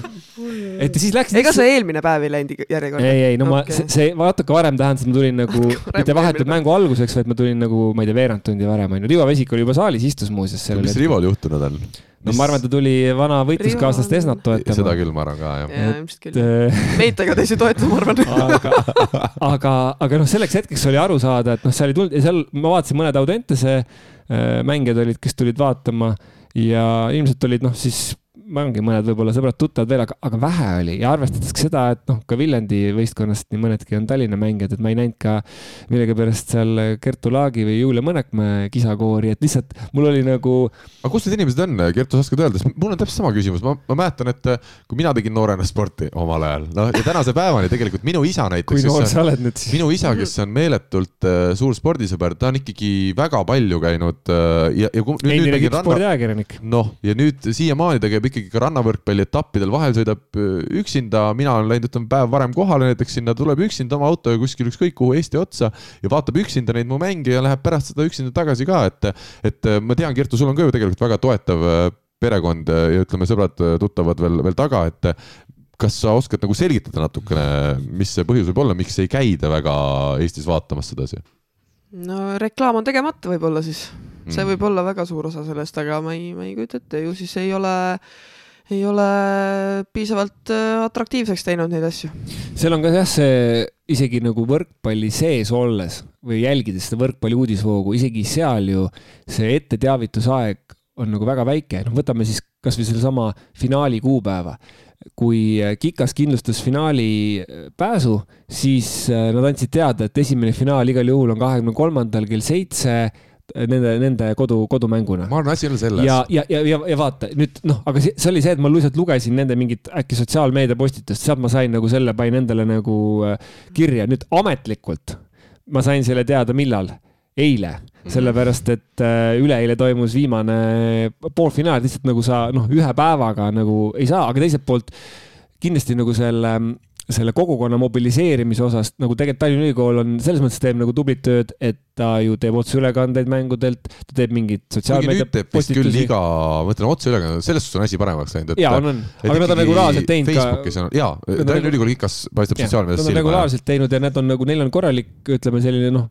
aga Audenteses on, ma ütleks veel parem, Audentese tüdrukud on ikkagi võtnud selle sotsiaalmeedia tegemise just seal nagu oli väga tore siukene, siukene mälumängulaadne asi, et ja. Äh, jaa, kiidame kindlasti neid algatusi, aga lihtsalt, et ega Tallinna Ülikool nagu halba tööd ei tee, nad on seal mängul teinud ka ju loosimisi mm. ja mingil mängul, kus mind ei olnud küll kohal, aga ma nägin pilte seal, ma ei tea, pakuti isegi mingeid suupisteid. no vot, nüüd me saame teada, miks Rivo seal käis. et äh, tol mängul ma räägin, ei olnud, aga, aga, aga. Rivo oli juba enne mängu ära võitnud võib-olla.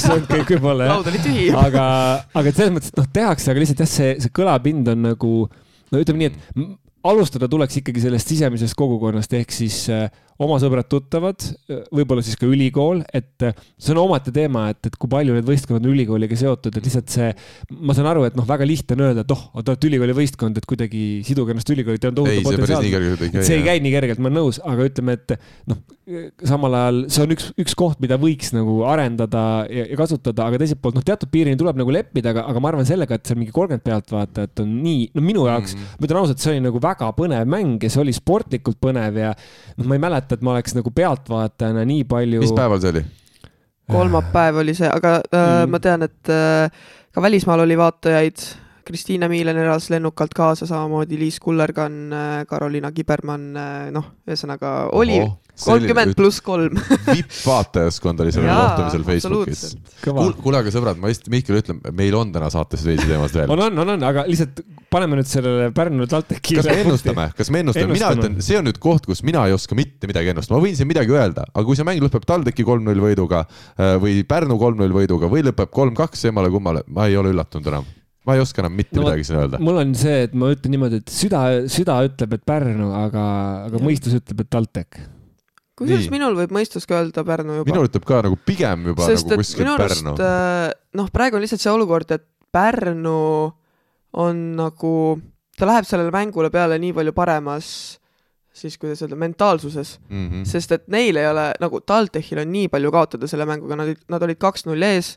ja need kõik ootasid, nad jõuavad finaali, oleme ausad. just, et noh, ongi see, et äh, Pärnul on ainult võita praegu mm -hmm. ja siukse suhtumisega peale minna, ma arvan neil võib päris hästi minna. aga see, ma ütlen, me oleme rääkinud naiste võrkpalli üllatusi täis, nüüd ma ütleks küll, see Pärnu ja TalTechi seeria mm, -hmm. see on mhm. tõeline naiste võrkpalli kõige paremas mõttes, seal on nii palju tõusemõõne, erinevaid, kuidas öelda, tõusemõõnu yeah.. nii, ja, ja noh, see on äh, olnud fantastiline. on, ma olen nõus. nii, Gert. see on nagu naiste võrkpall. ma ei salli, kui seda öeldakse. ei salli, jah? aga on ju nii, ei saa midagi teha. sama ja. fantastiline nagu naiste võrkpall. ei, ei nagu..., aga naiste võrkpall on ju meeletute äh, tõusude ja mõõnadega, see, see on ju fakt. see on fakt, vaata ma kasvõi eilset mängu, et kaks see on esimest... Eesti naiste võrkpall, millest sa räägid. no aga siis ütlemegi nagu Eesti naiste võrkpall okay., kõige paremas mõttes. meie võrkpallisaade räägibki Eesti võrkpallist üldiselt. nagu jah ja,, nagu jah, okei okay,, okei okay., võtame siis. aga lähme naiste poolfinaalide juurde, aga, aga tõesti. head, head, head sõbrad, ma, ma palun teil, teeme lühidalt, sest meil ei saa saade olla täna seitsmetunnine. okei okay,, aga lühidalt ma võin öelda, et äh, fina-, finaali said need, kes pidid saama. Karl ennustas poolfinaali seeria tulemused õigesti, lähme järgmise teema juurde. no päris mitte nii ka. Äh, Tallinna Ülikool Kikas siis võitis Viljandi Metalli, esimene mäng väga põnev. Äh, Tallinna Ülikool Kikas kodus mängis ja võitis kolm-üks üle noatera, seal oli Viljandil oma võimalus äh, viia see mäng veel viiendasse game'i. ja teine mäng siis oli juba Viljandi kodus kindlalt, no suhteliselt kindlalt Tallinna Ülikool Kikasele numbritega kolm-null. kuna me oleme rääkinud päris palju siin juba nendest asjadest, ma küsiks hoopis personaalselt. Kertu, kuidas sa oma personaalset või isiklikku vormi tunned väljakul viibides, kas see on nüüd nädalatega läinud paremaks, on tekkinud pigem juba hoopis mingisugune väsimus, kuidas, kuidas mõtted on? ta nagu üles-alla on käinud, et äh, ütleme, eelmine nädal oli suht raske ikkagi äh,, ütleme, eks peale sellist nappi kaotust võib-olla ongi raskem taastuda ka, et, et, et selles, selleks laupäevaseks, oli lah, laupäev, laupäevaseks mänguks äh, ma olin päris tühi juba äh,, et esimeses game'is oli juba selline, et mina rohkem juurde panna ei saa, kui kuskilt mujalt keegi maha lööb, palun andke minna. Äh, kolmteist punkti vist lõpuks tuli või mingi selline kolmteist pluss kuus, jah. et noh, ei ole mingi imenumber seal. et aga, aga sa-, samas eilses mängus oli tunne väga hea eilis oli pronksi seeria avamäng Audentese vastu. et, et seal oli tunne väga hea, ei olnud üldse sellist, et, et, et isegi nagu äh, et oleks sada kümme protsenti ennast mängu pannud, et, et, et sain isegi viiendas game'is nagu jõudu taha panna pallile, mis on juba hea, hea märk selles mõttes minu vormi puhul. Äh, kuidas sa koondisele, ütleme praeguses seisus otsa vaatad, kas ähm, noh, sul tuleb ka siis, eks ole, väikene paus ikkagi enne koondist, kas sa tead, millal üldse koondis koguneb? ei tea selge. ootame see... treeneri ära kõigepealt, ma ei tea isegi sellest mm, mitte midagi, nii et. see meil täna on ka üks kusjuures teemapunkt, kui, kui Mihkel lubab sinnamaani meil ka tänases saates purjetada. aga räägime siis Tallinna Ülikooli naiskonnast, mis jätkuvalt ikkagi Eesti liigas vähemalt silma paistab, on see, kui ühtlaselt neil rünnakud jagunevad, seal on äh, Paalo, Hunt, Mõrd ja lisaks veel temporündaja Põld ka ikkagi saab igas mängus kümmekond punkti umbes kätte, vahel isegi rohkem. et äh, kas see ühtlus ongi nende selline suur tugevus? Äh, seda kindlasti, mis mulle jäi väga positiivselt silma, oli nende servi vastuvõtt. Äh, ükskõik kui palju me surusime, mina servisin seal äh, hüppelt jõuservi. Mari-Li Lass võttis selle ülevalt vastu, ei olnud probleemi. nii et väga-väga selles mõttes nad on väga head tööd teinud, kaitses mängivad väga hästi. et jah, üldmäng on neil minu arust väga hea aga ma arvan, et servi vastuvõtust hakkab kõik pihta, et üldiselt Eesti liigas äh, paljud tiimid selle pealt nagu logisevad, aga, aga neil on hea tehnika ja ja, ja ütleme, nad ei karda nagu mängida, et ainuke asi ongi see, et kui nad nüüd Tartuga hakkavad finaale mängima, äh, viimane mäng neil Tartuga oli selline ütleme, otse häving, et, et kuidas nad sellest suudavad üle olla, kuidas nad suudavad keskenduda, et okei okay,, nad lähevad põhiturniiri võitjatena sinna peale, aga aga ajalugu on näidanud, et Tartul on see suurte mängude kogemus ja, ja ütleme, selline valmistatus, ma arvan, no grammi võrra parem kui, kui Kikasel, et Kikas ei ole nii kõrges konkurentsis varem mänginud. kahe tuhande kuuendast aastast siis või kahe tuhande kuuenda aasta järel üldse esmakordselt, ehk siis kuueteistaastase pausi järel Tallinna Ülikool Kikas äh, mängib äh, Eesti meistrivõistluste finaalis. vastane on siis äh, Tartu Ülikool Bigbank ja ma pean küll tunnistama, et kuigi ma ennustasin, et Audentes siin ühe võidu saab kätte, siis ma pigem oleks arvanud nüüd tagantjärele vaadates, et see võit oleks tulnud esimeses mängus võib-olla, kus Tartu Ülikool Bigbankil ei olnud ju nõlvakut liberona kasutada. aga, aga et see tuli teises mängus, see oli nagu minu jaoks üllatav. aga samas noh, Audentesel ongi sellist nagu minu hinnangul on see kvaliteet ikkagi hooaja jooksul kõvasti kasvanud ja, ja see mänguvõit ei olnud enam suur üllatus. ja Audentese kohta ja selle Tartu Audentese paari esimese mängu kohta tahaks öelda, et seal ei olnud nõrvakut, mis kindlasti mõjutas Tartu servi vastuvõttu kaitsemängu oluliselt Äh, Ingrid Kiisk ei mänginud alguses seal, ta tuli alles äh, äkki teises game'is sisse, siis kui asi läks, äh, hakkas juba kuidagi hapuks minema, ma ei tea, mis selle põhjus oli. siis, aga, aga Audentese poolelt puudu oli Noora Lember, puudu oli Kadri Kangro, puudu oli Anu Talvar. ja nüüd. ja see noorte ja, mängud samal ajal. ma just tahtsin küsida, et, et Noora Lember, ma saan aru, oli puudu haiguse tõttu, vähemalt nii ütles vist Eva-Liisa Kuivanen pärast intervjuus seal aga Talveri ja Kangro kohta ütles ta, et tsoonimängude tõttu, siukse, siukse lause. nagu kus see, kus see, kus see nüüd nagu see tähtsuse järjekord on, et meil on Eesti meistrivõistluste poolfinaal ja meil on tsooni, ma saan aru, et oleks finaalmängud, aga me räägime tsoonimängudest. oi, absoluutselt äh, ütleme selline ega keegi ei taha oma mängijaid äh, oma võistkonnast ära lasta, see on olnud äh, teema juba sellest ajast, kui mina olen noori mänginud ilmselt ka varem kõigi jaoks on oma, iga treeneri jaoks on oma mängud kõige olulisemad, loomulikult noh, naiste poolfinaalidega on tegemist, minu arust siin ei tohiks nagu tekkida küsimust, aga noh, see selleks, et, et jah, oli ka meil Viljandis mängijaid, kes laupäeval me mängisime kell üks oma poolfinaali ja nemad jäid veel sinna tsooni mängima. aga mis see põhjendus on, ma mõtlen, et ma, ma ka olen selle nagu idee pooldaja, et, et naiste poolfinaalid, eriti juhul, kui Audentes veel oli või ka Viljandi tegelikult ju olid reaalselt heitlemas selle finaali kohas, need ei olnud päris sellised mõttetud mängud, et kõik teavad, kuidas need lõpevad.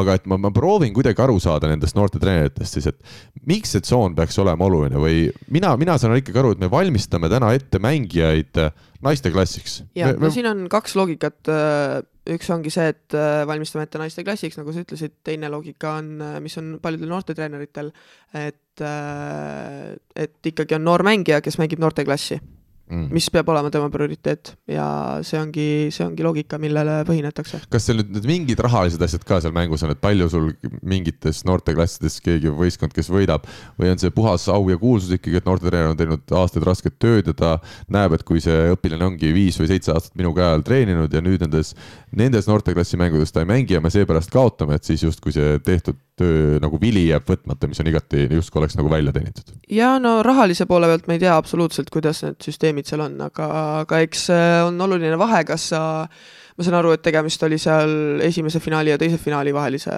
tsooniga, ma eeldan, et, äh, et seal on oluline vahe, kas sa lähed meistrikatele, noorte meistrikatele vastu esimese kuue seas või, või tagumise mm. kuus kuni kaksteist seas, et noh, seal on oluline vahe, see on ta-, tahes-tahtmata see on oluline, aga noh nüüd ongi see, et kuidas, kuidas neid prioriteete nagu jagada ja ilmselgelt äh, Eesti noorteklubides, äh, kui sa mängid naiste meistriliigas samal ajal, siis sa oled oluline mängija, nagu noortevõistkonnale ka, mis äh, võib nagu päris suure tõenäosusega maksta selle esimese finaali koha.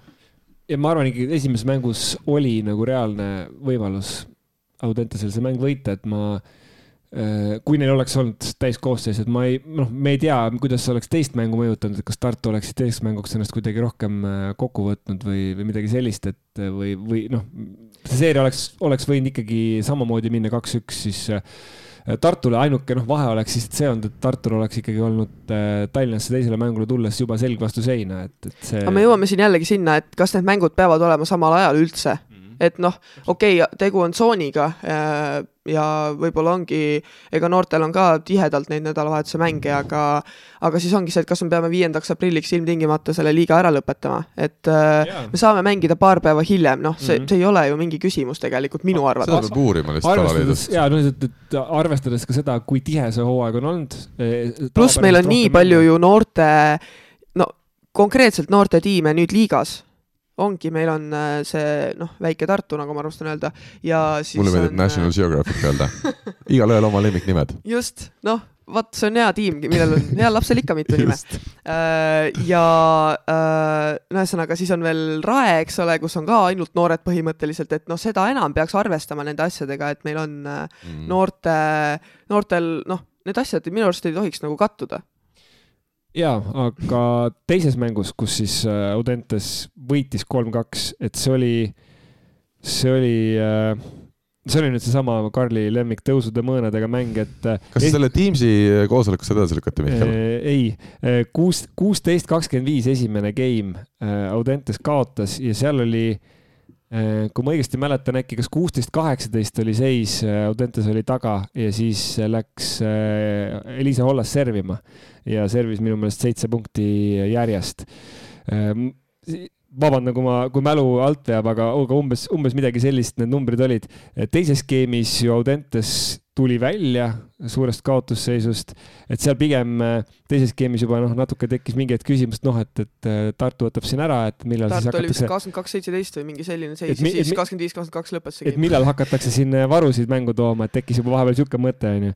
et, et selles mõttes ja, ja noh, mängijatel noh, Audentest, mis minu meelest nagu nendel kriitilistel hetkedel vedas alt, oli ikkagi servi vastuvõtt, et nad ei saanud kätte mingitel hetkedel siin nii otsustavas mängus kui ka selles kolm-kaks mängus ei saanud kätte Hollase servi, nad ei saanud kätte Ingrissuvi servi ja, ja noh, neil jällegi Audentes enda poolt Häli Vahula tegi mitu väga head serviseerijat Äh, Anu Talvar, äh, ka Eva-Liisa Kuivanen, äh, kui ta hakkas sellist hübriidservi lööma, et, et siis see hüppelserv võib-olla tal ei, tal ei ole nii stabiilne. aga ühesõnaga neid põnevaid momente oli palju ja selles mõttes veel kord kiidan Audentest väga südika mängu eest ja väga siukse noh, nad mängivad ju endast nii palju vanemate ja kogenumate mängijatega. selles kolm-kaks mängus, mis nad võitsid, oli, oli veel see hetk, kus minu meelest pärast esimest geimi, kogu esimese geimi ajal ja ka pärast esimest geimi Andrei Ojamets oli ikkagi nagu keskmisest oluliselt rohkem endast väljas. et äh, kui Andrei on muidu emotsionaalne, siis ta oli veel nagu eriti ja ma mõtlesin ka, et kas nüüd tuleb see hetk, kus ühel hetkel Andrei istub pingi peal ja rohkem enam ei ütle midagi. see juhtus eile. see juhtus eile mm. -hmm. et, et, et noh, et ma mõtlesin, millal see hetk nüüd tuleb, et see hetk ei olnud nagu väga kaugel, aga, ja mõtlesin ka, et, et kuidas see nüüd mõjub, et huvitav oli näha, aga see tõmbas nad tegelikult käima selles, selles seerias ja see kandus minu meelest üle nii, nii sellesse kolm-kaks võidetud mängu kui ka järgmisesse mängu, mille nad küll äh, kaotasid kolm-null, aga noh, see ei olnud selline klassikaline kolm-null mäng äh, selles mõttes, et see oli väga-väga tihe, esimene game kakskümmend kaheksa, kakskümmend kuus, teine kakskümmend viis, kakskümmend kolm ja kolmas siis kakskümmend viis, kakskümmend Tartul, et aga seal oli ka mitmes olukorras nagu ikkagi see oleks võinud nagu teistmoodi, teistmoodi minna, et ja kes, kes tegi veel minu meelest hea esituse, kes ei alustanud küll seda poolfinaalseeriat äh,, oli, aga kes tuli siis nii-öelda mingil hetkel vahetusest mängu ja jäi siis põhimängijaks oli Carlotta Kattai, kes äh,, kes asendas Sonja Simsonit ja, ja mängis oma koha hästi välja, et noh, teisi me oleme siin juba nimetanud Äh, ja Tartu poole ma kiidaks eraldi Ingris äh, Suvi, minu arust diagonaalründaja päris hästi siin äh, mänginud viimastel nädalatel. Aga läheme edasi ja tõesti aeg, aeg lendab, tuleb tõdeda teie toredas seltskonnas, aga teemad, need ei lenda nii kiiresti meil edasi, peaksime muidugi tegema ka nüüd ennustused ära, et, et sina kui naiste võrkpalli. ja, ja ei teeme igal juhul ma.... ennustusspetsialist, et kuidas see finaalseeria läheb ja kuidas pronksiseeria edasi läheb? Audentse kohta tahtsin veel nii palju öelda, et lihtsalt on näha, et mitmed mängijad, me oleme siin noh, juba läbi aastate rääkinud Eva-Liisa Kuivanist, et ta on naiste klassis ka juba arvestatav mängija, aga samamoodi nüüd on ikkagi näha sel hooajal, et on tekkinud siia juurde mitmed mängijad, võtamegi kasvõi Noora Lemberi diagonaalründajana, võtame Liisbeth Pilli eh, temporündajana, täitsa ikkagi näevad juba naised eh, välja ja, ja saavad naiste seas kenasti hakkama väga tublid ja. ja sidemängija Äli Vahula, kusjuures ma vaatasin seda eilset eh, pronksi mängu esimest, mille siis Viljandi ja Kertu võitsid kolm-kaks, siis täitsa sedasi kõrvalt vaadates Julia Mõnnakmäe ja Äli Vahula duell mina ei oskagi enam öelda, kes siin parem on, Äli Vahul on minu arust väga hästi. mina ütleks, et äh, vaadates, ma nüüd võib-olla provotseerin siin kedagi, aga vaadates paari hetke äh, Viljandi viimastest mängudest, siis äh, need edukad hetked on tulnud kuidagi siis, kui ähm, sidemängija vahetus on toimunud, et, et siis, et see on loomulikult nagu huumoriga öeldud, aga vähemalt Tallinna Ülikooliga mängus juhtus niimoodi, et minu meelest, et see oli see game, mille Äh, mis võideti esimeses mängus, seal tuli siis Püvi lõpuks sisse, kas ei olnud nii? täitsa võimalik, ma tõtt-öelda isegi ei mäleta enam ma, ma üles ei täheldanud. mul oli enda... nii palju muid emotsioone seal mängus. ma üles ei täheldanud endale, aga minu jaoks, see on nüüd laiem küsimus, aga mul, minu jaoks pigem tekkis see küsimus selle kõige juures, et et mida see, mida see kõik, mida me siin nüüd näeme Eesti liigas, ütleb meie koondise tervise ja tuleviku kohta mm., ma olen selle peale korduvalt ja korduvalt mõelnud, et lihtsalt äh, jah, võib-olla tekib väike või noh, mis väike, päris suur mure on tekkinud juba ausalt öeldes. aga teeme siis, äh, teeme pronksiseeria osas ennustused äkki ka või? mul jube raske on neid muidugi teha siin, eriti kui Kertu on meil täna ma ei, mina millegipärast ütlen küll, et Audentes veel võidab selle praksiseeria. mul on seesama nagu meeste selle mm, poolfinaalseeria viimase mänguga, et süda ütleb, et Audentes, aga aju ütleb, et Viljandi no,. mul ütleb mõlemad, ma ei tea, süda, ma ei tea, ma ei oska nüüd nii öelda, aga nojah, pigem isegi jah. sest Audentes on nagu lihtsalt äh, võlunud oma sellise mm -hmm. emotsionaalse ja positiivse ja, mänguga kogu hooaja jooksul ja mingis mõttes ma ütlen, et. aga võib-olla neil on tsoonimängudel tulemas, siis kui pronks uh, välja jagatakse. valus aga et mingis mõttes nad vääriksid seda pronksi, et, et see ilmselt nagu tähendaks neile väga-väga äh, palju, et äh, no nüüd Viljandi omad kirjutasid, et neile tähendab samamoodi, aga.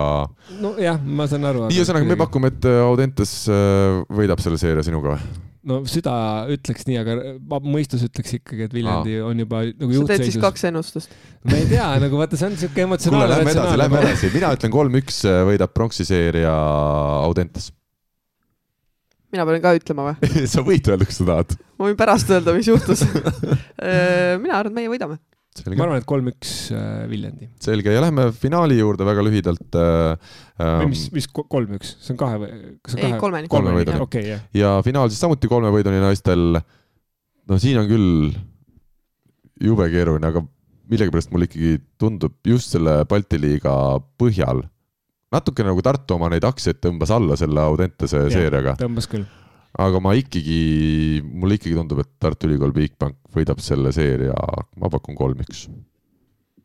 just needsamad kogemused, mis tundub, et Tallinna Ülikool Kikasel, et kui nad kuidagi ei pruugi sellistel hetkedel nii hästi mängida. väga raske on ennustada. nii, aga proovime. jube põnev oleks, kui läheks vii-, viidemängu, minu arust see oleks hästi äge mm. -hmm. Äh, aga nii. juhul, kui läheb viide, ma arvan, Tartu võtab ära oh, raske on. Mihkel, lähme edasi, elu ongi raske, naistega no, ongi elus raske, sa seda, väga, väga teadma. keeruline, aga jaa, ütleks ikkagi, et Tartu, aga, aga raskelt ja vähemalt ühe mängu võtab Kikas ka ära. jess, tehtud, läheme edasi järgmise rubriigi juurde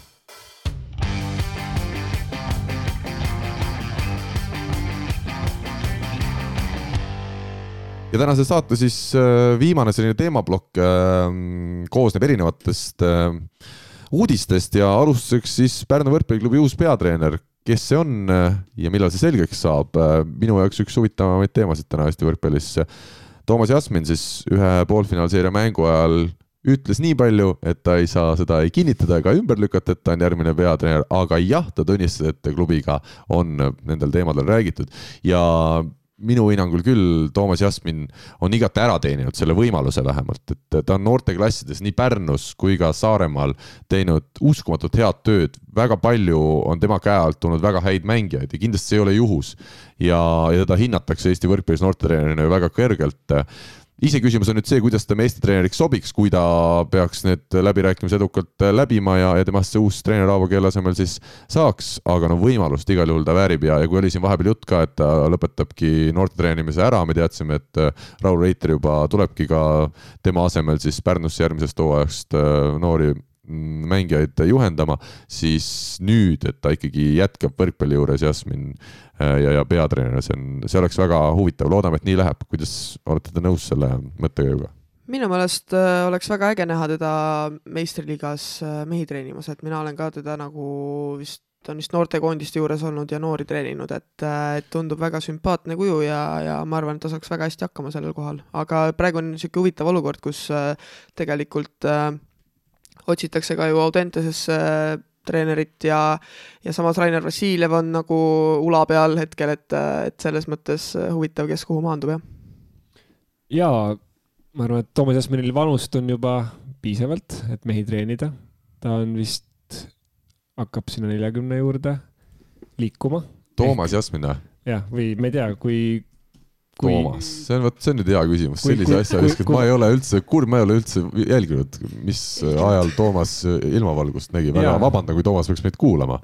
ma ei ole selle rõhku, ma rohkem sportlaste puhul vaatan nende vanust, et kas aga, on nagu paremad ajad ees või? aga vaat noh, treeneri puhul on see ka oluline, mina vist äh, mäletan ühte sellist koroonaaegset uudist, kuna Jasmin on ju Saaremaalt, onju, et siis ma mäletan ühte koroonaaegset uudist, kus. Jasmin on kolmkümmend seitse. jah, no hakkab neljakümne juurde liikuma, et ähm, mäletan vist koroonaaegset uudist tema kohta, kus ta avas äh, oma maalinäituse. et äh, see oli koroona ajal tuli niisugune uudis millalgi välja, kus ta ütles ka umbes midagi vist sellist, et, et koroona ajal oli rohkem vaba aega ja, aga et noh, et on, ma saan aru, maalimisega pikalt tegelenud, et väga huvitav nagu hobi ja niisugune näitab inimest hoopis teise nurga alt. ja noh, Saaremaalt on ikka tulnud selliseid äh, võrkpalli jaoks olulisi, olulisi inimesi läbi aegade ja noh, see, kui inimene on nagu aastaid teinud niisugust äh, noortetööd pühendanud, see näitab, et talle see ala meeldib, ta on nõus tööd tegema, ta ei ole võib-olla noh, nagu ta on mingid etapid läbi käinud ja noh, eks ilmselt tunneb, et on valmis, et miks, miks mitte jah, ma mõtlen ka seda Mali näiteks, et huvitav, kas see kuidagi hakatakse ka integreerima seda nagu sinna võistkonna tegevusse? ma, ma, ma kusjuures väga huvitav äh, vahe, vahelepõige, mis on, mis naiste on, mis on, ei, hoopis meeste jalgpalli, mis on, mis on huvitav ühesõnaga. Rootsi, Rootsi kõrgliigas äh, oli aastaid nüüd selline võistkond nagu Östersund, see on seal Põhja, Põhja-Rootsis, äh, kus tavaliselt laskesuusavõistlusi korraldatakse. ta tõusis kõrgliigasse ühe inglasest treeneri Graham Potteriga ja nemad ähm, siis palkasid eraldi siis kultuuritreeneri oma, oma võistkonda ja sellega nad nagu äh, siis lõidki sellist võistkonna vaimu kõrgele. mis see tähendas praktikas? tähendas seda, et igal aastal võeti võistkonnaga ette erinevaid tegevusi, muuhulgas lavastati üks näidend, kus siis kõik võistkonna liikmed osalesid, siis müüdi sinna pileteid, äh, siis noh, rahvas tuli vaatama, noh, sellest tehti sihuke tohutu kogukonnaüritus. Äh, seal oli siis ka mingi kunstiteema, üks aasta ma mäletan, siis üks aasta vist oli mingi muusikali teema, kus siis pandi need tüübid laulma, nad käisidki lisaks siis jalgpalli mängimisele, professionaalsed jalgpallurid. Östersund mängis ka UEFA Euroopa liigas, lõpuks jõudis isegi sõelmängudele, mängis Arsenali vastu sealsamas. no see näitamine tuleb ju kasuks ka palliväljakul, kui sa see, oled... see tuleb, see tuleb kasuks, aga lihtsalt see aitas nagu siduda ja kuidagi ühtseks voolida võistkonda, et võib-olla siis, kui Jasmin saab Pärnus treeneriks, võib-olla võtab sealt šnitti ja viib näiteks mehed lõõgastuse mõttes äh, maalima, äh, õpetab neile, kuidas seda kõike nagu teha ja vaatab teise nurga alt, et see on nagu, see on hästi huvitav, kui inimestel siuksed äh, hobid on, nii et. no aga võib-olla hoopis, vaata, me oleme, siin on ka olnud võrkpalliseltskondades jutt, et võib-olla tulebki täielik noorenduskuur, kuigi ma ei tea, noh, Pärnul ei tundu praegu vähemalt äh, Pärnu maakonnas endas siukseid noori olevat väga palju, kelle peale seda meistriliiga võistkonda ehitada. aga et noh, kui peaks tulema lihtsalt ütleme muudatuste kuur, siis võib-olla võttagi Endla teatri näitlejad, sest me teame, et võrkpalluritel on reeglina põhitöö ja nad ei jõuaks võib-olla näitlemisega nii palju tegeleda sealt enam oma põhitöö ja võrkpalli kõrvalt. aga kui on Endla teatri näitlejad, eks ole. Ago Anderson saaks väga hästi hakkama võrkpalliplatsil, ma arvan. ja Sepo Seeman kindlasti. Okay. mina, mina mäletan äh, jällegi, Sepo Seeman on võrkpallis vägagi sees olnud, sest kui oli niisugune tore võistkond nagu ESS Pärnu võrkpalliklubi, siis ta käis seal äh, otsustavatel finaalseeria mängudel Tartuga siis äh, seda õhtut läbi viimas, õhtut juhtimas. aga, aga paralleel ei ole üldse mitte vale selles mõttes, et paralleel on muidugi hoopis teise nurga alt, et kui äh, linna, erinevates linnades äh, Pärnus sealhulgas on kutseline teater, kus on noh, kümneid palgalisi inimesi, seal on näitlejad, lavastajad mm., on ju kogu see taustatiim, siis, ähm, siis noh, sarnaselt võiks ju mõelda ka näiteks spordivõistkondade finantseerimisest, et miks meil kutseline teater on, aga miks meil ei ole kutselist näiteks jalgpalli või võrkpallivõistkonda selles linnas, aga see on nüüd omaette teema, aga Jasminit ühesõnaga loogiline valik oleks ja huvitav näha, millal see välja hõigatakse, et ma, ma saan aru, et see on põhimõtteliselt ju kindel asi juba lihtsalt ootab väljahõikamist. no jah, ma ei, ma ei julge nii öelda, ma ei tea, et see kindel oleks, aga see tundub igati loogiline, et see sinnapoole võiks minna, no kui me räägime sellest, kes üldse veel oleksid kandidaadid, Aavo Kill ütles, et see järgmine treener igal juhul Eestist tuleb. Oliver Lüütsepp, Tartu Bigbanki abitreener, äh, aga noh, ta on rajanud äh, Tartusse äh, kodu, tal on kaks väikest last, ma arvan, et ta järgmine aasta äkki veel ei, ei tahaks lihtsalt minna kuskile seiklema. Me teame, et Urmas Tali on meil, ütleme, treenerina vaba ja ilmselt võiks olla huvitatud, samas tundub täna, et, et Pärnu ei ole, ei ole sinnapoole liikumas, Rainer Vassiljevist oli juba juttu. ma arvan millegipärast, et pigem ta leiab kas välismaalt omale mõne väljakutse või siis tõesti tuleb Audentese juurde, pühendab ennast sinna aastateks. aga noh, see on suur otsus, kui Rainer nii otsustab, jah nii, aga edasi, peatreener Fabio Sooli, meie koondise uus juhendaja, siis meestel see ikkagi privileeg on, et neil on isegi enne koondise tulemist teada, kes neid juhendab. Äh, on avalikustanud esimese nimekirja, aga enne kui me läheme selle esialgse nimekirja juurde, tuleb siis öelda ära ka see, et meil on teada abitreener Fabio Storti. nii et kaks Fabiot on meil erinevat sorti ja siis on Oliver Lüütsepp äh, kolmanda treenerina ja Alar Rikberg veel abitreener statistikal, ma ei tea, mis mis sa vangutad pead siin, Mihkel, kõik on ju õige. ma loen ette Kui, nagu paberil kirjas on. kuigi luuleant sul kasin, luuletad sa nagu masin oi-oi jah, ma ei hakka praegu jätkama seda luulerida, sest äh, võib-olla Toomas Jasminile meeldiks, see on küll selge ilmselt. ma usun, et kunstiinimene hindaks kõrgelt meie kõrgeid luuletusi, aga ühesõnaga mänedžer statistik Märt Pajusalu, nii et selles suhtes äh, Lüütsepp, Rikberg, Pajusalu on jätkamas, aga füsioterapeudina tuleb nüüd Pärnu võrkpalliklubist kaasa Tom Svonkovs, lätlane, kes on Eesti võrkpalliga väga hästi kursis, massöörina asub tööle Tartu võrkpalliklubis töötav Mark Leinfeld, kergejõustiku taustaga muide. Nii et äh, vaat kust õiged mehed tulevad. Ja mänedžer on siis jätkuvalt Robin Ristmäe. see ei ole staadioni jutud selle podcast'i nimi, ma võin lihtsalt juhuks öelda ja ütleme, see esialgne koosseis, ütleme sellest ei ole vist väga palju mõtet põhjapanevaid järeldusi teha, sest see koguneb kaheksateistkümnendal kaheksateistkümnendal aprillil ja seal on siis põhiliselt ainult Eesti liigas mängivatest meestest koosnev selline seltskond ja sealgi neid vanemaid mängijaid eesotsas Gert Toobali ja Martti Juhkamiga äh, kaasatud ei ole, on, on nooremad, et natukene siis selgitada välja ja ja teha, ja teha selgeks treeneritele, et kuidas ja kes võiksid siis ka hiljem sinna Euroopa kuldliigaks valmistuma asuvasse võistkonda kuuluda, et et seal on ikkagi sees enam-vähem kõik mehed, kes seal olla võiksid, ma ei, ma ei oskagi öelda mingeid üllatusi suuri, mina siit vähemalt äh, ei leidnud, et et see oli selline mõnus kogum mängijatest. Ja no selle abitreeneri kohta nii palju, selle teist sorti Fabio kohta Storti kohta, et, äh, et hetkel on ta siis Montpellier Volli äh, abitreener, ta ei olegi peatreener vist kuskil veel olnud. äh,. On olnud ka Tšehhi koondise äh, abitreener ja ka Poola koondise statistik, kusjuures väga huvitavatel aastatel, kaks tuhat üheksa kuni kaks tuhat üksteist, et kas kaks tuhat üheksa, kui Eesti koondis Poolat võitis, oli ta siis statistiku laua taga või? kui ta kaks tuhat üheksa alustas, ma arvan, see on igati loogiline, jah no näed, siis on Eestiga ikkagi positiivne Oi, või negatiivne kogemus. see oleks hea alustada sealt intervjuud, et äh, kas su karjäär on olnud sama äh, läbinisti nii kehv, nagu oli poolakate mäng Eesti vastu? see oli hea mäng, lihtsalt me olime palju paremad. Oli, oli. Aga lühidalt äh, liberod siis Maarja Lepp, sidemängijad äh, Markus Keel ja Eermaa, nurgaründajad Hurt Kevin Saar, Meius ja Kaibald, diagonaalründajad Kordas, Uuskari, Lõhmus, temporündajad Üprus, Saaremaa, Aru, Varblane, Perillus ja. kusjuures äh, Kaibald oli seal koondise nimekirjas äh, pandud äh, isegi liberote järgi, et äh, võib ilmselt äh, oodata, et teda ka seal katsetatakse mm., et, äh, et ta on noh, ütleme paberite järgi on ta nurgaründaja, aga, aga võib, äh, võib-olla, et katsetatakse liberona. ja mis nüüd on huvitav, on see, et äh, Fabio Sooli ise sõltub ju kaua tal Itaalias hooaeg läheb, et täitsa võimalik, et kaks esimest nädalat, mis, mil siis selline punt koos teenib, mis on praegu minu arust otsustatud nii, et see sooli ei pruugi seal olla sugugi mitte kogu aega ja võib-olla mitte üldse, aga see, see info nüüd ilmselt on siin ka selgumisel, et esialgu hakkavad siis tööd tegema kindlasti Lüütsepp ja Rikberg Tartus ja, ja saab siis näha, millal välismaa mehed juurde tulevad. kakskümmend viis mai on see kuupäev, mil Eesti alustab kuldliigat äh, kodumänguga Tartus Tšehhi vastu.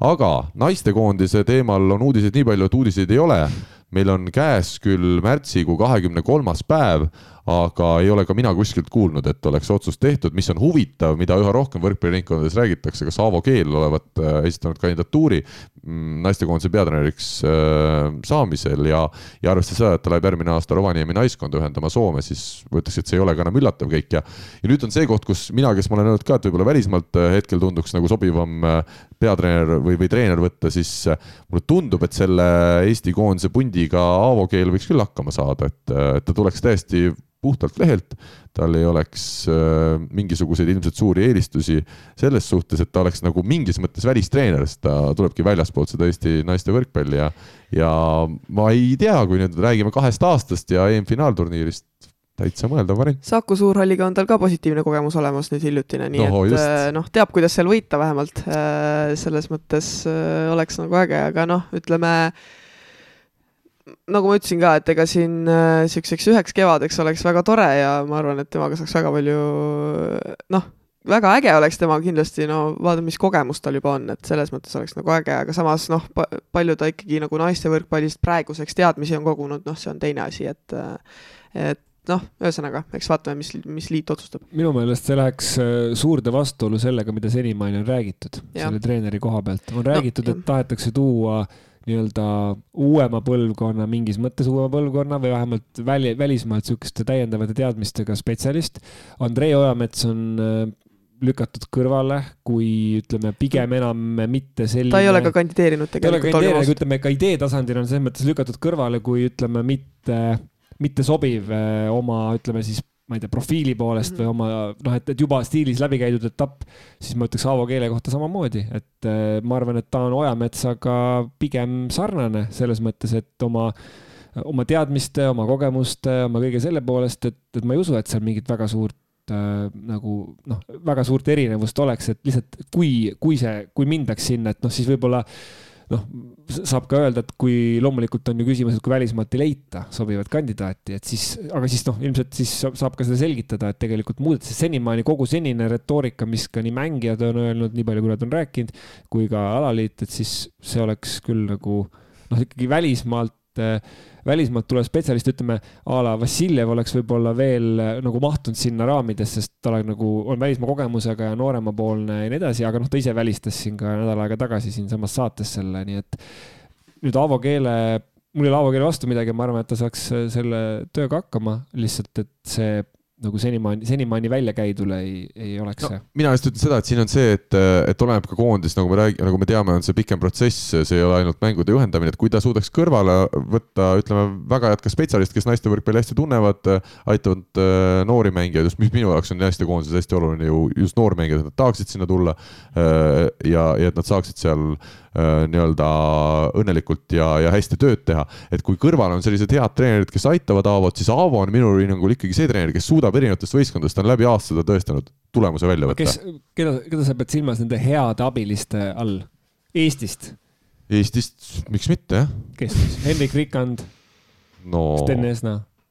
jah, näiteks või ma just mõtlen, et kes, kes nad võiksid olla, need head no, abilised? jah, need, kes meil on siis igapäevaselt mm -hmm. Eesti naiste võrkpallis sees, pluss siis äkki keegi välismaalt äh, mingisugune spetsialist juurde mm. -hmm. et noh, jah. hästi hell teema, ma tean, Eesti võrkpallis, siin on, siin on ikkagi arvamused lähevad väga, väga saan, lahku. ma saan aru, et, et noh, mingid, kui, kui Andrei Oemetsa kohta räägiti, et mingid ajad on möödas, et siis ma eeldan, et näiteks, et Peeter Vahtra ajad on ka möödas naistekoondise peatreenerina või?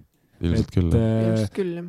et noh, need just ütleme ma mõtlen spetsialiste, kes on naiste võrkpallis teinud häid tulemusi või kes on siuksed legendaarsed treenerid mingis mõttes. mina ka ei arva, et me peaks nagu võib-olla nagu tagasi vaatama, et pigem vaatame edasi, et ma arvan, Andrei on seal, kus ta on ja, ja see on hea koht ja ta teeb seal head tööd, et võib-olla pigem ongi küsimus, et ma, mina, mina tahaks, et see projekt oleks pikem kui, kui aasta, poolteist, palju sinna finaalturniirini jääb, et, et võib-olla leitaks selline noh kes, kes pühendub sellele, sellele teemale rohkem, aga noh, ma saan aru, et see on sihuke ideaaljutt, et leida inimest on hoopis teine, keeruline mina olen ikkagi aru saanud jah, et täna meil peab olema just noorte peal see Eesti koondis ka, et, et me peame mõtlema, kuidas ja mil moel, kes meil oli, Katriin Põld vist lihtsalt loobus mingil hetkel Eesti naistekoondises mängimisest, et ja. minu jaoks täitsa üllatav või, või uskumatu, et ma tahaks teada võib-olla sügavamalt neid taustu, et, et miks noor mängija, kes mängib Eesti liigas ja mängib hästi ja on potentsiaaliga ka välismaale minna, Eesti koondisest üldse loobub ja me teame, Eva-Liisa Kuivar võib-olla läheb ju randa mängima, et äh, minu arust on mingid küsimused siin noorte osas õhus, et täna minu arust see Eesti koondis peab olema olema suunatud sellele kõigis oma tegemistes, kuidas võimalikult palju neid häid noori, kes meil siis Audenteses käivad või, või on hiljuti selle lõpetanud, tahaksid ja, ja saaksid koondises kaasa lüüa, et äh, see võiks olla see küsimus. Aga äh, nii, Mihklil hakkab kohe üks koosolek pihta, aga väga kiire teema, esiliigas nii meestel kui naistel on alanud play-off ja ütleme, me jõuame siin ära mainida kõige intrigeerivama veerandfinaalseeria alguse, see on Tallinna Ülikool Rakvere võrkpalliklubi ehk siis tegelikult meeste põhiturniiri kaks paremat võistkonda. Tallinna Ülikool oli siis lõpuks öö, äh, oma halbade tegude tõttu kaheksas ja Rakvere esimene ja esimese mängu Tallinnas võitis Rakvere kolm-kaks, väga tasavägine, väga palju kirgi kütnud kohtumine olevat olnud. Ja nüüd siis Rakverel üht, üht võitu veel vaja. Keegi küsis ka kuskil sotsiaalmeedias, et äh, kajastus null esiliigal, jätkuvalt olen äh, sada protsenti sellel arvamusel. esiteks, et äh, niikaua kui statistikat, veerandfinaale, viis mängu on peetud, üheski ei ole statistikat tehtud, niikaua kui hakata statistikat tegema, siis andke andest, mille põhjal neid üldse seda kajastust teha. teine asi, Eesti esiliiga on sügav amatöörsus. võistkonnad teevad trenni keskmiselt kaks korda nädalas ja minu hinnangul amatöörsporti väga tõsiselt kajastada kus minu arust pigem me peaks panustama sellesse, et rohkem meeste ja meistriliigat ja naiste meistriliigat kajastada. esiliiga ei ole koht, mis, see on harrastussport, siin on vaja meeletut kajastust. nõus, ei, esiliiga on harrastussport ja nagu ma ütleme nii, et seal peavad äh, paraku klubid ise selle peal nagu vaeva nägema, et seal ei ole jah ühtegi ju, ju profimängijat, seal on paljud endised profimängijad ja, ja tase on okei okay,, mis seal on, aga see on pigem nüüd kohalikul tasandil, ütleme noh, kui Rakvere mängib seal, siis loomulikult kohalik Rakvere meedia ajaleht kes iganes seal on, kajastab seda Virumaa Teataja näiteks ja, ja nii edasi, et aga noh, oodata nüüd, et üleriigilises meedias on mingid artiklid selle kohta, see ei ole loogiline. või isegi võrkpalliportaalis ma regulaarselt tõesti ei näe seda ressurssi, täna on meil küsimus, kuidas leida rahastust, et üldse seda portaali jätkata mm. pärast kevadet. ja, ja alati on küsimus, et kuidas jõuda kajastada kõiki olulisi asju. et ma ütlen ausalt, mul ei ole isegi mõttesse tulnud, et Eesti esiliigat naistes või meestes hakata korralikult äh, iganädalaselt kajastama, et selleks lihtsalt vahendid puuduvad, selleks peab tulema mingisugune hull entusiast, kes ise mängib või jälgib seda liigat ja tahab lihtsalt tasuta kirjutada. ja meestes lihtne, meistriliigas ruumi küll, palun. tulge ja kajastame ja ja, ja saab ja, kõvasti see on kajastust. väga hea üleskutse. ei no aga on ju tegelikult seesama Tallinna Ülikool, kus mina sel hooajal mängisin äh,.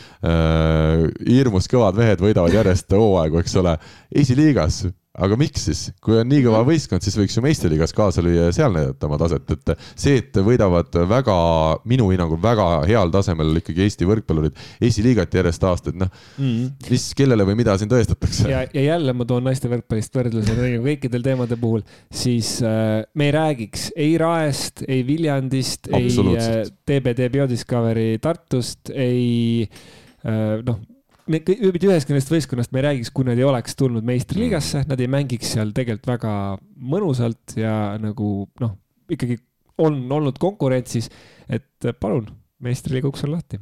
Täpselt, aga tõesti seda tuleb küll öelda, vähemalt meest ma naiste esiliigaga ei ole, ei ole kursis, aga meeste esiliigas ikkagi üle aastate kõige huvitavam play-off on ees ootamas ja ja just tänu sellele, et Tallinna Ülikool ei ole enam nii palju teistest üle ja ei ole üldse enam teistest üle, vaid on seal samal tasemel järgnevatega, et siis on väga huvitav vaadata, kes selle lõpuks võidab äh,. hakkab minema mees nimega Mihkel, aitäh sulle kaasas, kaasa löömast. aitäh ja ma saan aru, et te saate ennustuse ilma minuta teha, sest noh, eelmine kord äh jah, kolmest kolm on ju, et ma ei peagi rohkem ennustama. las ta jääda, las ta jääda, me jõuame veel sinna. aitäh sulle, Mihkel, edu sulle kõigis su tegemistes, loodetavasti kohtume taas. ja kohtume. ja meie Kertuga võtame kaks äh, natukene liivasemat teemat siia selle ploki lõppu veel.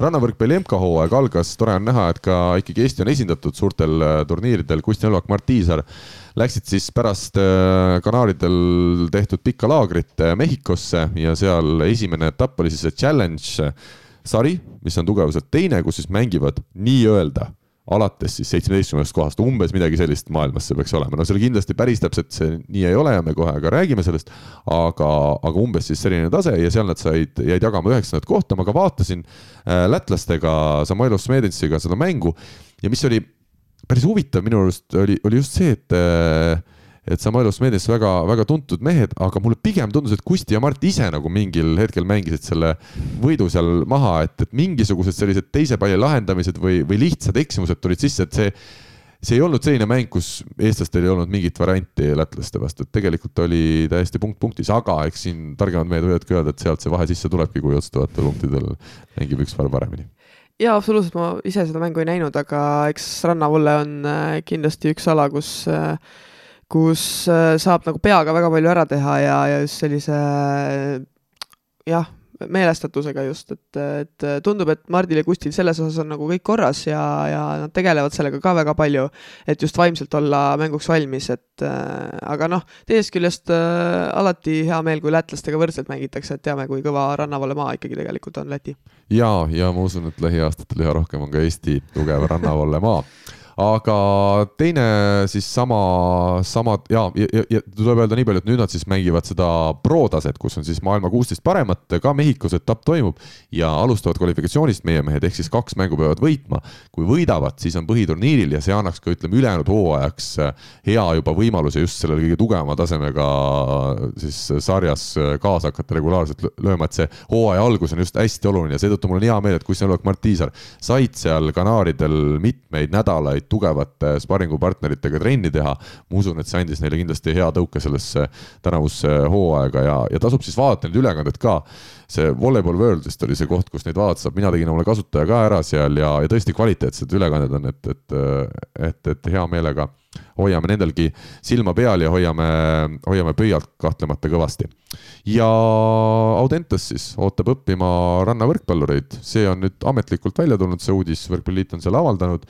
kui minu info ei peta, siis kaks poissi, kaks tüdrukut üritatakse leida ja sügisest siis eh, neid panna just rannavõrkpalliga tegelema, aga see on jälle selline hästi valus teema Eesti võrkpallis, ma tean, kuna mis selle valusaks teeb, on see, et saalitreenerid ei taha ju keegi, et randa läheksid. ja, ja põhjus, miks on ju võimatu ainult rannast endast saada randa mängijaid, on see, et Eestis on seni puudunud selline laste ja noorte treeningrühmad ma ise siin aitan kaasa ka sellele, et sügises need vähemalt Tallinnasse tekiksid, nii et ütleme, kümne-viieteist aasta pärast on kindlasti juba olukord selline, kus meil ongi eraldi rannavõrkpallurid, eraldi saalivõrkpallurid, aga tänasel päeval ma, ma väga loodan, et erinevad treenerid, erinevad eestvedajad, et nad suudavad leida selle ühise arusaama ja ühise keele, et kui meil tekitatakse Audentesesse, kus on tegelikult väga tõsiselt sporti tegemise kool, kaks tütarlast ja kaks poissi, et Eesti saalivõrkpall on valmis ohverdama neli mängijat kokku, et, et meil hakkaks vaikselt see töö pihta, sest kokkuvõttes me oleme ju kõik üks võrkpallipere ja see saalivõrkpall või rannavõrkpall, ma arvan, et kui lõpuks Robert Täht näiteks otsustab kunagi minna randa, tuleb ka Märt Tammearu kaasa, nad võidavad olümpial. Kuldmedali, see on selline minu suur unistus. No nali naljaks, aga, aga ühesõnaga, et, et ma usun, et ka need saalitreenerid, kes nad on nüüd kasvatanud, ka nendel tuleb pisar silma, kui rannas keegi Eestis lõpuks mingi väga suure tulemuse ära teeb, et see ei ole nii, et need inimesed lähevad kaduma Eesti spordi jaoks. ja eks selline noh, tuleme tagasi selle niisuguse natukese kadeduse juurde, mis siin Eesti tegelikult on noortevõrkpallis võib-olla isegi eriti äh, valitseb, et, et see on natuke kurb äh,. minu arust me peaks nagu rohkem üksteist aitama äh, Äh, mõtlema nagu suuremas pildis ka kui ainult oma, oma klubi vaates, et äh, et äh, see on keeruline olukord, see on kindlasti väga valulik selline algus just asjale, et, et jah, siin ongi lahendus see, et teha äh, nagu sa ütlesid ka äh,, kui on rannahall olemas, alustada seal treeninggruppidega, meil on olemas rannahallid äh, mitu tükki Tallinnas, üks äh, siis Nõos ka äh,, ja ma pean nii palju vahele parandama, et keegi ennast puudutada, tegelikult on ju väikesed grupid siin ka Laos Lukas, Tšuhhenkov näiteks, Nõos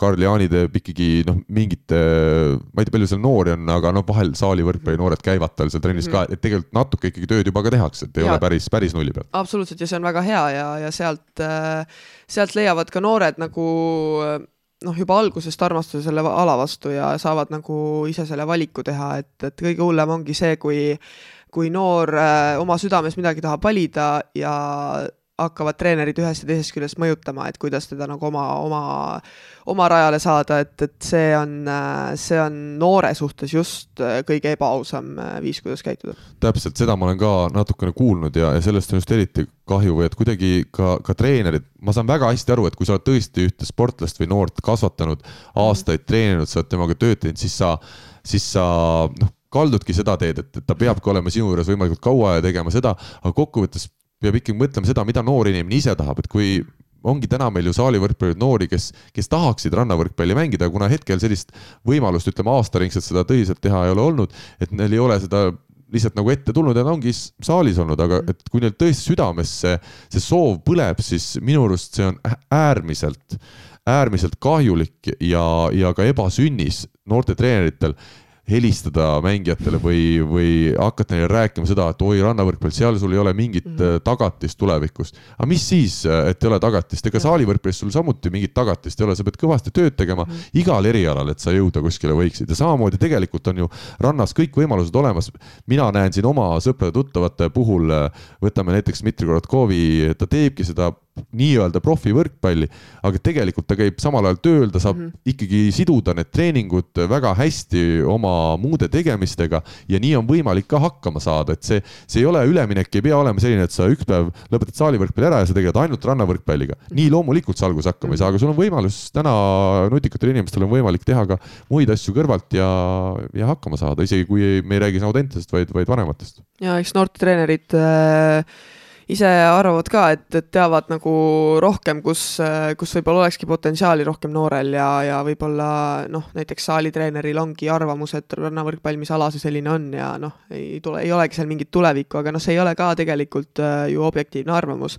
ja, ja teine asi ongi see, et võib-olla tõesti tal oleks äh, tulevikku näiteks äh, temporündajana ja mitte, mitte rannavõrkpallurina, aga kui inimene ise ei taha olla see mm, -hmm. see temporündaja, siis miks me teda sunnime? ja kui ta no, lõpuks näiteks niikuinii pärast Audentest lõpetabki ära, sest ta tunneb, et temast temporündajat või ta ei taha seal olla, siis parem kadunud. oleks ju see, kui ta oleks juba varem otsustanud, et ta läheb randa, mis talle võib-olla südamele rohkem pakub, et. jah, et võib-olla ta ei, ta ei jõua siis äh, nii kaugele, kui ta oleks temporündajana jõudnud, aga, aga kui ta tõesti, kui ta ära lõpetab võrkpalli sellepärast, et ta ei saanud -hmm. teha seda, mis ta tahtis, siis noh see ei ole ka, see ei ole ka lahendus nii et äh, selline huvitav olukord loodetavasti siis leitakse Audentases äh, korralikud mängijad, muidugi, mis on keeruline, ongi see, et ega tegelikult, kui sa oled andekas mängija, siis sa oled andekas nii saalis kui rannas, et need on ikkagi ta ongi sarnased alad ja sarnased liigutused, et seal väikesed nüansid kahtlemata on ja tipptasemel võib-olla tõesti mingitele mängijatele sobib rannavõrkpall või saalivõrkpall rohkem, aga, aga kokkuvõttes need on, on, on ju sarnased alad ja nõuavad samu oskusi, et, et see, see teeb ka kindlasti raskemaks, et saalitreener ütleb, et sa oledki saalivõrkpallur,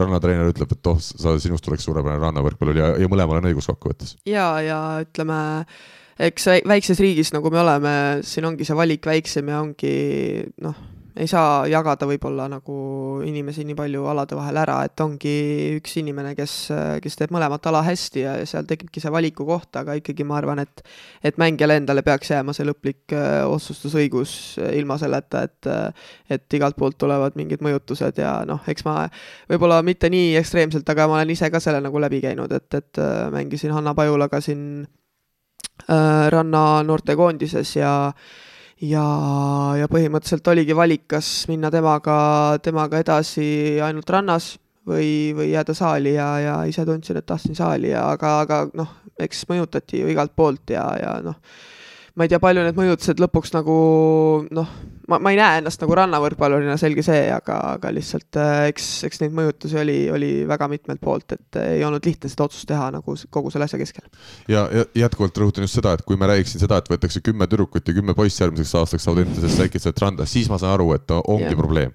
aga kui me täna räägime kahest tütarlapsest ja kahest poisist, Eesti saalivõrkpall jääb ellu ja jäävad ka need noorte saalivõrkpall meil ellu, kui kaks mängijat sinna lähevad, et mulle tõesti tundub, üritades, üritades, ma saan aru, et ma olen ise ka täna üha rohkem rannavõrkpalliga seotud, aga, aga üritades ikkagi jääda nagu neutraalseks siin küsimus, ma usun, et, et mõlemad saavad hakkama ja, ja ma usun, et see on Eesti võrkpalli laiemalt igal juhul hea, kui me hakkame rannavõrkpalli arendama. see on Muidugi. ainult aja küsimus, mil, mil meil see rannavõrkpalli halle veel rohkem tekib ja mil see ala populaarsemaks läheb ja, ja hea äh, rannavõrkpalli lainel võib ka ju saalivõrkpall kokkuvõttes saada kasu, et, et peab seda suuremat pilti proovima natukene vaadata.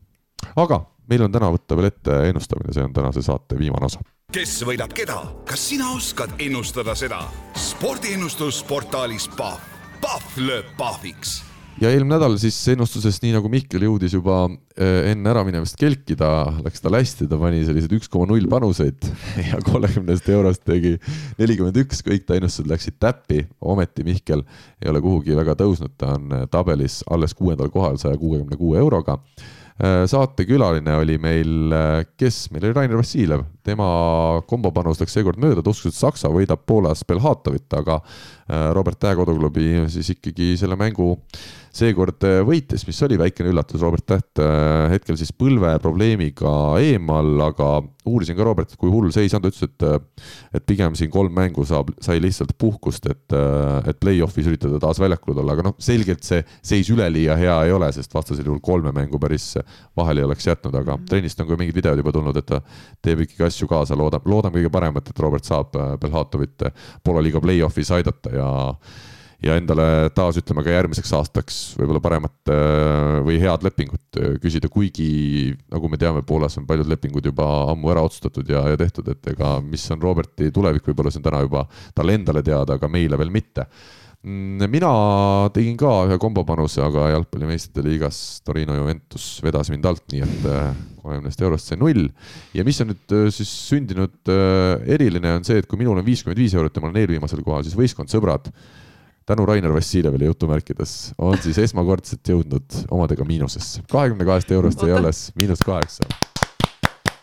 See on ajalooline hetk meie saates, nii et nüüd tuleb siis hakata miinusest üles vedama neid äh, ja Kertu, sul on see võimalus täna oh,. kolmkümmend eurot on, äh, on mänguraha ikkagi olemas, me oleme selle kaevanud välja äh, sellistest fondidest ja ise printisid? ise printisin mm,. see on hea. ja, ja nüüd on sul see võimalus siis öelda, kust sa hakkad järele vedama sõpru uh,? Äh, siin on huvitavad mängud tegelikult äh, võrkpallis tulemas, on CEF karika finaal, ma siis saan aru, vist äh,, Tursi ja Monza vahel kus on väga-väga võrdsed koefitsiendid, nii et ma ei tea, kas ma julgen sinna oma raha panna, mida mul ei ole. Äh, aga ma tegelikult võtaksin hoopis Prantsusmaa naiste liiga, äh, kus mängivad Le Canet, Volero ja Mulhouse. Le Canega on ka meil seos. Le Canega on meil seos, kus on äh, peatreeneriks Lorenzo Micheli, aga Carolina Kibermann on tegelikult viimases mängus oli naiskonnaga kaasas, kuigi mängu ei saanud Äh, ja ma panen, et Lekanne võidab Mulhouse'i, äh, üks koma kuuskümmend kaheksa on koefitsient ja ma panen kogu oma kompoti sinna peale. Assa, no vot seda on, seda on rõõm kuulda ja mina ütlen siis täna sedasi, et äh, Tours on kuidagi üllatanud sel hooajal, enam isegi suur üllatuseks tõesti nende võitu ei peeta siin, Monza vastu on suhteliselt võrdsed need koefitsiendid, aga ma pakun, et CF karika finaalis siis selle äh, täna õhtul, kolmapäeva õhtul toimuva mängu võidab Tours, üks koma kaheksakümmend kaks on nende koefitsient, teine mäng ma teen taas kombo panuse, sest seisud on rasked, aga Volley võidab Soomes. Ka täna õhtul Loimot ja kokku tuleb see koefitsient äh, kaks koma kaheksakümmend kaks, nii et äh, hea õnne korral saab kolmekümnest eurost kaheksakümmend viis eurot. head kuulajad, hea Kertu, aeg on tänane saade kokku võtta, mis äh, tänane päev veel sul toob, kas kõvad treeningud või kõvad kirjutamismahud? treeningud kindlasti peale viie game'ist eilset mängu ei plaani teha. Äh, treeningut te selles mõttes plaanin teha küll, et lähen äh, väikestele trenni andma, see tuleb täna ära teha. ja õhtuks ma arvan, et olen TalTechi spordihoones. oo, super. teen selle valiku täna mängude vahel. ja tõesti peaks olema väga-väga hea mäng, mida vaatama tulla, täismaja sinna siis TalTechi loodetavasti täna tuleb ja, ja mängul kaalu kõvasti. Nende sõnumitega tänase saate kokku võtame, oli meeleolukas kaks tundi, kohtume kohtume taas loodetavasti juba nädala pärast. head aega! Eesti kõige põnevamad podcastid on Delfis, kuula tasku.delfi.ee